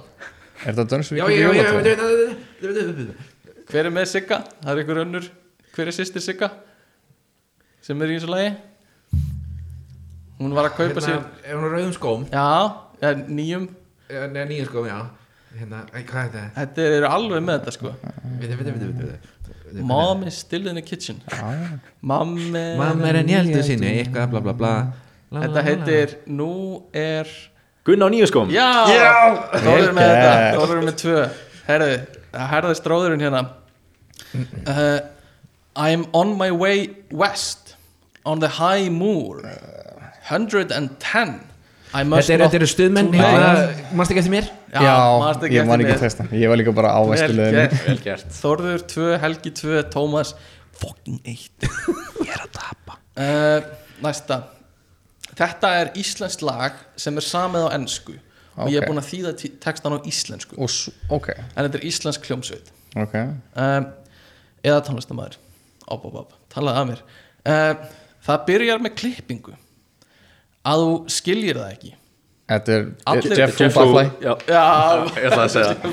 Við vorum með að tala um Jeff Wall uh, þannig að það er 2-2-2 það er nýfi jafn hérna, það eru tvö eftir. Ú, ok, og næsta er þýtt yfir á dönsku. Nei, Jans Úr, úr íslensku. Já, íslensku texti þýttir yfir á dönsku. Jésús Kristur. Tu træt bane trække hinanden i kår. Laks en en sportet vej. Der løber i den modsatte retning. Ekkert að tengja? Nei ég fannst fyrsta línan eitthvað með þetta sang Ok. Veg uh, ta, Vege tationen græde og stillhinder siger hun så meget. Alt gentages igen og igen. Det er så mange der er usagt. Þetta er tónlistakona nýtt, svona tiltörulega nýtt Er, lag. Er þetta bríet? Rólu Gúriki Nei, ekki rólegu Sólblóm? Nei, ekki sólblóm. Þetta er mögulega frægasta lagi hennar svona Hérna, Esjan. Esjan. Já, er með þetta. Þetta er Esjan. Tú trætti bene, trækki Já, hinn var fyrsta línan meikaði smá sens svo fór þetta í vittlis. Tveir þreyttir fætur eh, Eitthvað, hvern annan í takt Og síðasta lagið. Sama, þetta er eh, enskt lag með, Og ég þýtti yfir á íslensku. Ok, íslensk hljómsveit aftur. Uh, mér líkar ekki að ganga um þetta gamla og tóma hús. Hall, svo haltu í hendina á mér. Monsters and Men. Já, Og hvað er þetta lagið? hvað er þetta lagið? Little Talks. Little Talks, ó nei. Þorður gaf þetta svolítið. Já, ég- I'll, I'll take it sko. Það er glæsilegt, þetta var jafntöfli hjá Helga og Tóma Þorður, þú áttir þennan svolítið. Þú áttir þetta. Ég átti líka smá jólalæð sko. Já, reyndar, reyndar. Uh, Þetta var síðasta hjá þættunum okkar í dag. Uh, Takk fyrir að hlusta. Sendið postu ekkert að frétta gmail.com eða ekkert að frétta podcast á Instagram. Uh, Hérna strákar, piltar, drengir, menn. Þakka kærlega fyrir að vera með mér í þessum íslenska þætti. Um, Eitthvað sem þið viljið koma fram fyrir áður en við slúttum þessu? Ég er stoltur af Íslandi. Já, og stoltur af því að vera Íslendingur. Já, gaman að heyra. Og uh, þetta er stundum sagt á neikvæðan átt eða eins og þetta sé neikvægt sko. Það sé of mikil þjóðurinsökja en ég er alveg sammálaði sko. Við erum, ég held við, við gerum meira af þessu og og megum alveg ekki, við erum búin að telja fullt af góðum hlutum. Ekki sérstaklega mikið en neikvæðum hlutum það er kannski ágætt að sleppa því kannski bara. Ég blýp út alltaf neikvæða í editingu og... en já, ég er sammálaði, ég er stoltur líka stoltur íslendingur. Um, þannig að bara takk fyrir að hlusta. Uh, og já, bye. Bæjó